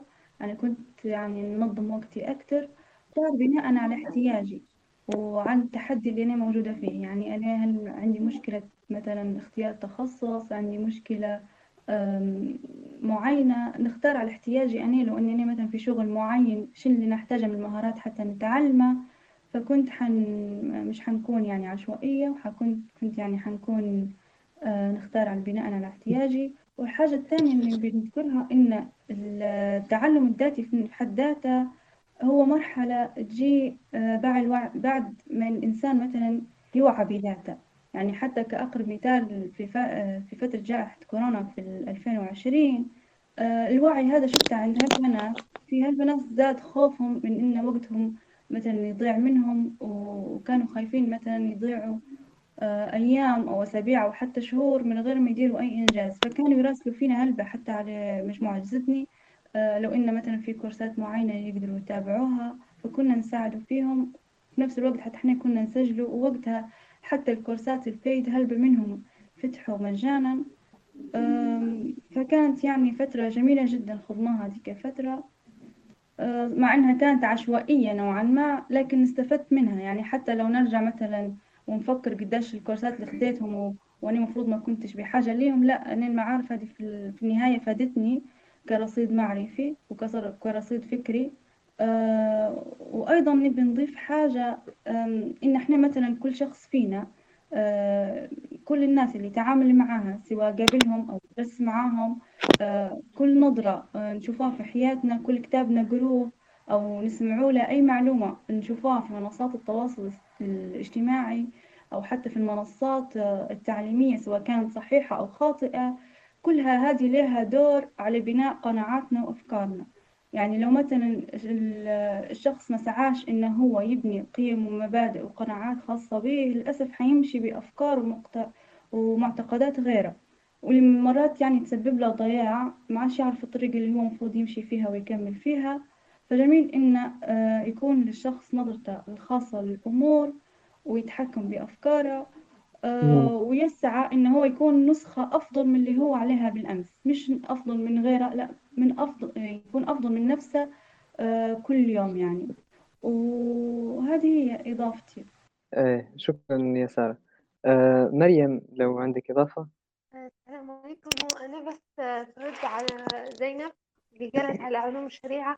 فحابة نقول لها إن في هو في الدكتور عبد الرحمن ذاكر قال إن الأفضل إنكم تبدوا يعني بحفظ القرآن وهيك والمعاني تعرفوا معانيهن يعني ودوا على كتاب المنهاج المسلم ال- ال- نسيت ملكات صراحة بس هو تو كيف بدي فيه وفي توا جروب بنات دايرات مقسمين مجموعات آه، تحفظي معاني الكلمات والكلمات القرآنية وتحفظي معاني مش حفظ صور لا. معاني الكلمات بالمعاني بتاعها لو هي حابة إني آه، نعطيها ال link عادي نعطيها. بس شكرا بارك الله فيكم الله يبارك فيك. آه، خلاص عادي نحطوا ال link بعدين في التعليقات. آم، إن شاء الله استفدت يا زينب. آم، أحمد آه، تفضل لو عندك حاجة. السلام عليكم. وعليكم السلام ورحمة الله. صوتي واضح؟ إيه واضح والله. آه، باين كنت في كانت في مشكلة ولا حاجة. آه ما نتحرك بالسيارة فتوا درست. آه آه، فسامحونا على انقطاع بكري. آه بارك الله لا. فيكم على الحلقة هذه. بارك الله فيك أنس وسارة وأيوب. آه، أنا ما حضرتش من البداية بكل لكن آه، نص الحلقة الثانية تقريبا حضرتها ما شاء الله. يعني حلقة محفزة وإيجابية جميلة جدا صراحة. وحفزني طبعا عبد الرحمن يعني نشارك آه، بتجربة. حتى أنا يعني استفدت جدا من آه، من المواقع هذه من التعليم الذاتي بشكل عام. كل المواقع آه، يعني جيدة والواحد معناها يقدر فعلا يتغير بها بشكل نوعي. وبالنسبة لل آه، للتعليم الشرعي أنا عندي تجربة ممكن هي كانت من أوائل تجاربي في التعليم الذاتي. مع الشيخ البوطي رحمه الله. فكانت طبعا في هلبة تساؤلات وقتها كيف خاش الجامعة؟ نفكر فيها في 2002 آه، 2003 أو بعدها بشوية. آه، ممكن بعدها في 2005 حاجة زي هيك. فالصراحة لقيت الشيخ البوطي وال والفيديوهات متاعه زي طوق النجاة. والتعلم اللي استفدته منه يعني شيء رهيب. والعمق آه، عمق الأفكار وعمق الطرح يعني وسلاسة الأسلوب وهيك. فالصراحة يعني حاجة من التجربة من التجارب اللي خلتني فعلا نتغير يعني. وهذا يعتبر نوع من التعليم الذاتي يعني اللي بروحي خطها التجربة كانت بروحي يعني. وإلى الآن إلى الآن ما زلت مستمر في التعلم من الشيخ البوطي. طبعا فيه هو مجموعة ثانية من المشايخ وهيك منهم الشيخ محمد شعال حتى هو عنده ما شاء الله يعني أشياء متنوعة على الأسرة على الاقتصاد المنزلي على دورة التأهيل تأهيل المتزوجين أو تأهيل للزواج. هذه تعتبر أشهر دورة أو اشهر كورس أعطاه يعني. فكانت تجربة غنية جدا جدا من ناحية من ناحية الشرعية يعني. والتجربة الثانية كانت كانت في علوم الإدارة وكيف كيف نكون مؤسسة وكيف ندير الناس وهيك. فالكورسيرا والإيدكس صراحة يعني أفادوني بشكل كبير جدا. يعني نفكر إنه ممكن فوق ال 40 كورس حاجة زي هيك. ما كنتش ناخذ شهايد لكن كنت كنت ناخذ في المعرفة يعني في في العصارة اللي كانوا يقولوا فيه وهيك وكنت أطبق فيه يعني شبه شبه بشكل بشكل لحظي. واستفدت بشكل كبير جدا جدا من من الكورسات هي كورسات الإدارة وتأسيس المشاريع وتأسيس المؤسسات وهيك. فالصراحة يعني الحاجة هي أنا حتى الطلبة متاعي وهذه نقطة بنقولها الطلبة اللي نعطي فيهم حتى في كورسات وهيك نقول لهم توا هذه الحرية. الحرية هي وجود معرفة بشكل مجاني ومجرد إنك أنت تحرر نفسك من قيودها فقط. يعني الإنسان محتاج إنه هو اعدى اعدى عدويك هو نفسك التي بين جنبيك ففي واحدة كاتبة يعني كيف كيف إن بغض النظر حالتكم نفسيه وأنا أنا نشاركها المعاناة هي. يعني الواحد بيعاني باش يجبر نفسه وزي ما قال أستاذ أشرف بيجبر نفسه انه هو يقعمز ويسمع ومرات لوقت طويل يتعلم وهيك فهو حر يعني الآن هي حرية معرفة ما كانتش موجودة للي قبلنا. ممكن محتاجين للغة الإنجليزية زي ما تفضلوا هم واحدة من الأدوات الحرية حتى هي آه، لأن كل الأشياء يعني اللي من الناحيه العلمية ومن الناحيه التقنية الأشياء الجيدة للأسف يعني بالإنجليزي قاعد المحتوى العربي يعني نوعا ما مش ضعيف لكن قليل. آه، فالحق يعني حتى الطلبة زي ما قلت آه، نقول لهم أنتم هذه الحرية ما تدورونيش أنا يعني تقدروا تاخذوا مستوى أفضل مني من جامعات مرموقة وغيرها. والآن آه، بالنسبة للنقطة اللي ذكرتها وهي نقطة مهمة جدا جدا وأنا كنت لما نبي لما طلبت مداخلة كنت نبي نسأل عليها. اللي هي التشتت. يعني كميه المعرفة اللي موجودة تغريك تخليك إنك أنت تبي هذه تبي هذه تبي هذه. فنبي نسألهم مرة ثانية ونسأل حتى الناس اللي خاضوا التجربة. آه، كيف كيف قدرتوا تتحكموا في الموضوع هذا؟ يعني المشكلة إن أنت مرات ماشي خاش تبي تبي كورس على حاجة معينة. فتلقى روحك آه، يعني شايف أكثر من حاجة وكذا وحاط هذيك فتحها بروحها وهذيك مش عارف شنو. يعني هيك يصير لي شخصيا. فكيف كيف الواحد ممكن يتحكم في نفسه في الحاجة هي؟ والحاجة اللي يعني أنا من الجانب الآخر يعني اللي تعتبر حل آه الآن عندي طلبة عندهم مشروع يبوا يديروه إن شاء الله عليه نوعا ما على الأمراض الوراثية عليه الاستشارات ال- الوراثية وغيرها فأول خطوة بالنسبة لهم طبعا باش يديروا حاجة زي هيك إنهم يتعلموا. فالحق هم من حسن حظهم إن أنا كشخص مختص يعني دورت لهم على شنو موجود في الكورسات في كورسيرا في ايدكس في FutureLearn في المواقع هي. وحطيت لهم زي ال semester. قلت لهم ال semester الجاي تاخذوا مواد ثانية فالحق واحدة من أفضل الأشياء إنك أنت تلقى حد هو في التخصص. يا الصوت ما اسمعش يا احمد آه إيه كأنه هرب الصوت. هرب الصوت شكله. إيه هرب على فهذا هو يعني مداخلتي إن أنا يعني نشجع الناس إن هي يعني تستفيد من الحرية اللي هي فيها الآن وتحاول إنها تكسر قيد الأنفس. إن هم معناها والله أنا عندي مش عارفيني ولا متى شادينهم ال- المواقع التواصل وكذا مش مخلينهم معناها ياخذوا يستغلوا الوقت هذا وهيك. وهذا نعانوا منه جميعا وأنا واحد من الناس نعاني منه. فالحق أنا أنا استفدت هلبة من هروب الضي هنا في ليبيا لأن ما كانش عندي نت لما يهرب الضي. فأنا نحمل في الكورس كامل مثلا ولما يهرب الضي نلقى في غايتي. فكنت نحضر في الكورسات لما يهرب الضي فاستفدت من هروب الضي بشكل كبير. وبارك الله فيكم على الحلقة هذه وإن شاء الله ربي يجازيكم خير يا رب. الله يبارك فيك. آه تو هو ال- الوقت إحنا فتناه حاجز الساعتين الحلقة بهلبة فنحاولوا نجاوبوا على عجالة على الأسئلة الموجودة هنا. آه شنو ال- ال- الحل للتشتت؟ والله كان أنا بنعطي فيها راي بسيط موضوع التشتت. م- مع الناس اللي يعني التشتت هل هو التشتت في نفس المجال؟ يعني أو نعطيك مثال مثلا أنا كان عندي هدف أني نولي مثلا برمج كويس وكذا. البرمجة نفسها معبية فروع كل فرع معبي أقسام. فهل التشتت هو نفسه في الأقسام نفسهم أو في نفس المجال أو تشتت بين المجالات؟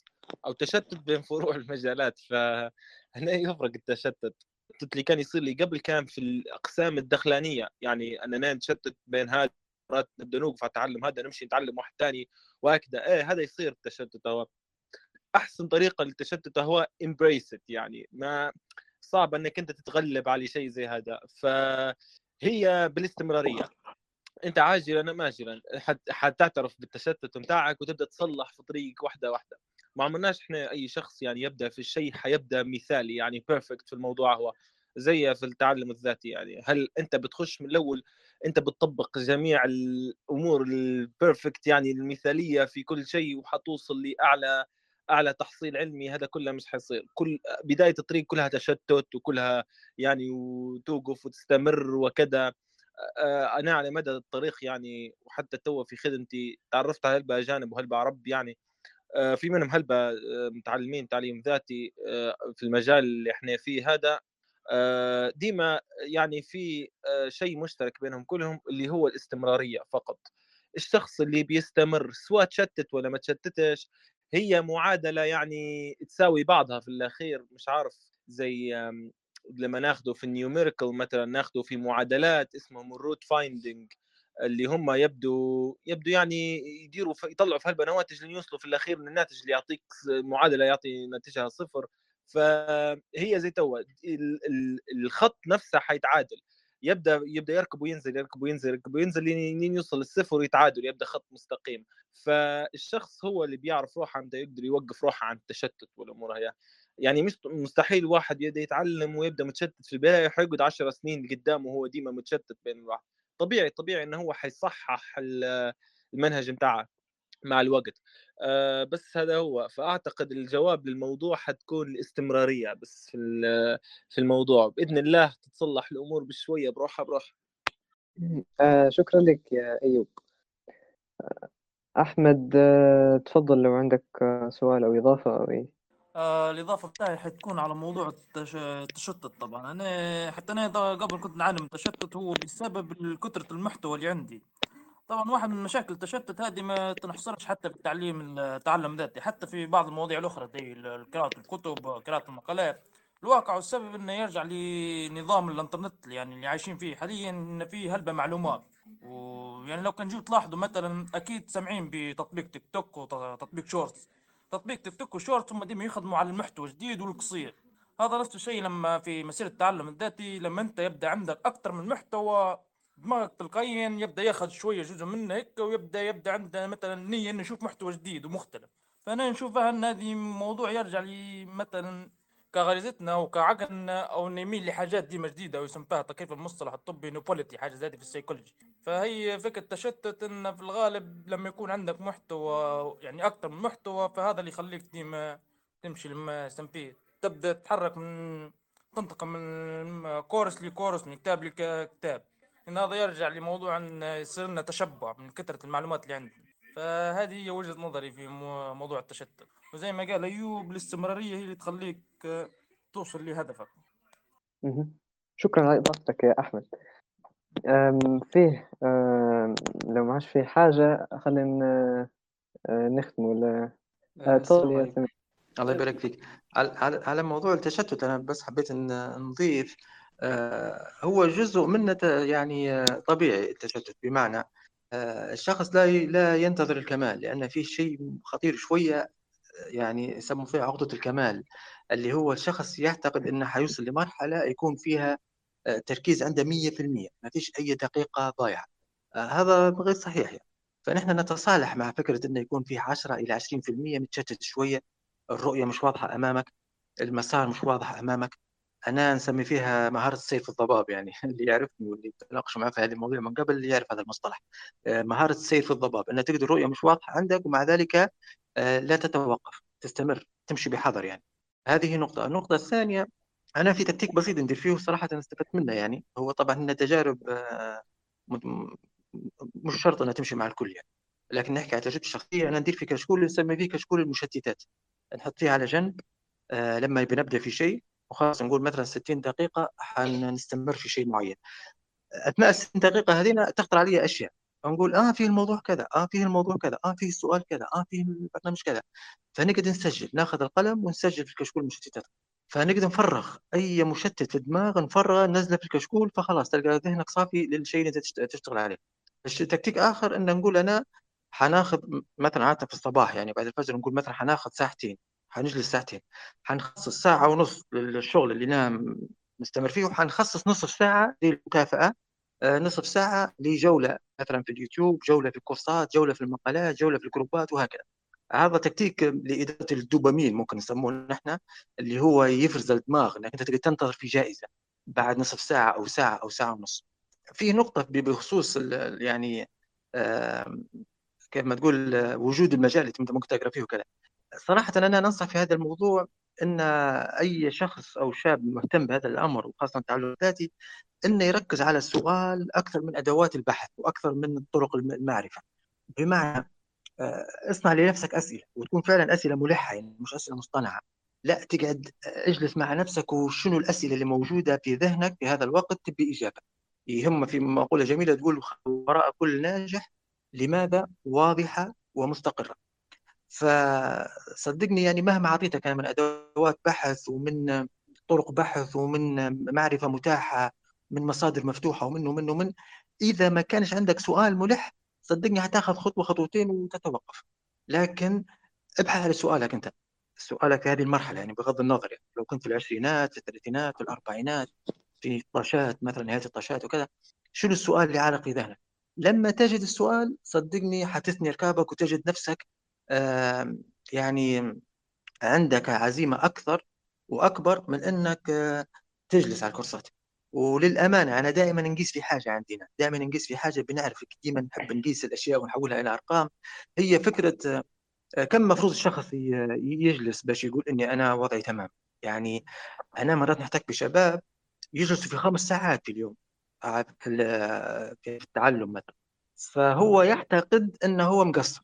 خمس ساعات يوميا مقصر. ومرات تجلس مع شخص نصف ساعة ويقول لك أوه الحمد لله رب العالمين أنا آه، نشعر إني يعني هذه الفترة منضبط جدا وكون أعطي في نصف ساعة وكذا. ما أمتى نقولوا نحن إن هذا تصرف صحيح وهذا تصرف غير صحيح؟ كل شخص عنده يعني عنده ترمومتر يعرف به نفسه بحيث لا ينهار يعني لأن هي ع- الإرادة عضلة لو ضغطت عليها فوق من اللزوم تنهار ولو رخيت عليها تترهق. فأنت تحتاج تنتبه لها عضلة الإرادة نفسها. آه، يعني أنا شخصيا في الغالب ما بين ساعة ونص إلى ساعتين ولكن نادر جدا أن أني نقل على 100 دقيقة. والله بأمانة يعني نادر جدا أني نقل على 100 دقيقة. نتحدث بشكل عام هناك بعض الظروف الاستثنائية نعم ولكن إلى اليوم يعني. إلى اليوم بعد الفجر جلست قرابة ساعتين إلى ربع تقريبا على بعض الأمور يعني نرتب فيها ونفرغ فيها وننظم فيها. فهذه أرقام ديما تعطيك شعور بالراحة أنك أنت كويس. هل ساعة ساعة ونص ركزت فيهن؟ أعطي نفسك فرصة تشتت لمدة نصف ساعة لا بأس أو ساعة لا بأس. طبعا في برامج أخرى ننصحكم بهن وربما أنتم عارفينهن يعني وأدرى بهن مني اللي هي قياس وقتك على ال social media على في على الكمبيوتر في الموب... على الموبايل كم قعدت على الفيس كم قعدت على الإنستا كم قعدت على كذا كذا كذا. وأنا انصحكم يعني تخلصوا منهم كلمة تخلصوا من كلمة أفضل. بالإضافة في بعض البرامج تفصل في النت. يعني سواء على الموبايل أو في الكمبيوتر إنك أنت لما تدخل على course معين يفصل عليك النت بالكامل إلا على المادة اللي أنت موجود عليها بس تكون فما يجيكش أي إشعارات. هذه أيضا تساعد على التركيز وأدوات كثيرة هي صراحة لكن لا أريد أن أطيل أكثر من هيك يعني سامحونا على الإطالة بارك الله فيك. بارك الله فيك أستاذ تميم أظني خلاص هيك ساعتين ونص مشبعة بالمعلومات والفائدة. أه، لو حد عنده إضافة أخيرة عبد الرحمن تفضل. أه، حاجة أخيرة وبنختم بها على عجالة. اللي هي في موضوع اللي هو كان لب الحلقة اليوم اللي هو موضوع كيف نحن نرفعوا الهمة. وهذا تقريبا حتى ناقشناه إحنا علاش اخترنا الحلقة هذه نوع من أه، تحفيز الشهادة. بنقول في على عجالة إنه القصص قصص العلماء السابقين اللي يعني اللي سيرتهم وتراجمهم لما جيت أقراها حتحس إن عندنا إحنا أبطال. يعني مش يقول لك بالإنجليزي super heroes إحنا مرات الصغار تحكي لهم قصص أبطال باش يقول لك يتأسى بهم إحنا عندنا super heroes يعني أبطال في العلم. يعني نماذج آه، يعني الكلام يعني ما يقدرش يوصفهم. فلما تسمع بسيرهم زمان كيف كانوا يتعلموا كان يضرب في يسافر من مدينة إلى مدينة أخرى على خاطر باش ينقل حديث أو ينقل معلومة أو كذا. وكان منهم كان باش ينحي موضوع التشتت هذا كان يكتبوا في الكتابات يقول لك إنه ما بيش يقرأ في مكان في دوشة آه، مكان مثلا يقول لك ما يمشيش يقرأ حتى في الغابة أو مكان في شجر. لا عشان يقول لك مرت العصافير مش عارف شنو يشتتوه. فما بالك إحنا بالتليفونات وغيرها. فحاليا في كتاب هداه لي أحمد قبل ما نسافر لبريطانيا وقعد ما قريتهاش إلى الآن وهو صفحات من صبر العلماء على شدائد العلم والتحصيل بقلم الشيخ العلامة عبد الفتاح أبو غدة. هذا حاليا يعني آه، اليت إني حنقراه صوتيا وبادي فيه في قناة آه، عن التعليم والتعلم اللي آه، بنحاول يعني الكتابات اللي نقراهم. نكون مسجلات بشكل صوتي بحيث يستفيد منهم غير يعني استفدت منهم أنا لكن نبي غير يستفيد منهم من الموضوع هذا. وكان أول كتاب يعني قررت نبدأ به يعني بدون أي تردد اللي هو الكتاب هذا صفحات من صبر العلماء على شدائد العلم والتحصيل. فهو أنا نشوف فيه بداية أي حد يبي يتعلم في أي مجال علمي سواء كان شرعي غير شرعي آه، قصدي شرعي أو آه، آه، حتى في العلوم الدنيويه العادية. فأنا نشوف أنا الكتاب هذا أساس إنه يبني فيك الروح هذه. فاحببت يعني نوعا ما نوجه دعوة لقراءة هذا الكتاب. وبارك الله فيك أنس وفي سارة وأيوب وكل المتابعين وشكرا جزيلا لك. الله يسلمك ويبارك فيك. آه خلي آخر جملة بقولها يعني كخاتمة. هي يعني جملة قالها مؤلف كتاب فن التفكير الواضح في كتابة قريتها زمان بس ذكرتها تو في الحلقة. آه قال كان التعليم دوما شيئا يتم تلقينه لنا أو الدفع به إلينا حيث تعودنا على أن نجلس مستسلمين بشكل سلبي ونتقبل ما يتم تلقيننا إياه. وإذا لم نتعلم فمن السهل أن نلقي باللوم على عدم كفاءة المدرس. ولكن الآن علينا تغيير هذا الموقف وتحمل مسؤوليتنا الشخصية تجاه تعليمنا. آه إن شاء الله تكون الحلقة هذه دافعة لهالبنات آه إنهم يتحملوا مسؤوليتهم الشخصية تجاه تعليمهم. وشكرا لضيوفنا ولكل المشاركين معنا. آه نختم الحلقة بدعاء كفارة المجلس. سبحانك اللهم وبحمدك أشهد أن لا إله إلا أنت أستغفرك وأتوب إليك. أعوذ بالله من الشيطان الرجيم والعصر. إن الإنسان لفي خسر. إلا الذين آمنوا وعملوا الصالحات وتواصوا بالحق وتواصوا بالصبر. صدق الله العظيم. آه نلقاكم في الحلقات الجاية بإذن الله. آه شكرا جزيلا. والسلام عليكم ورحمة الله.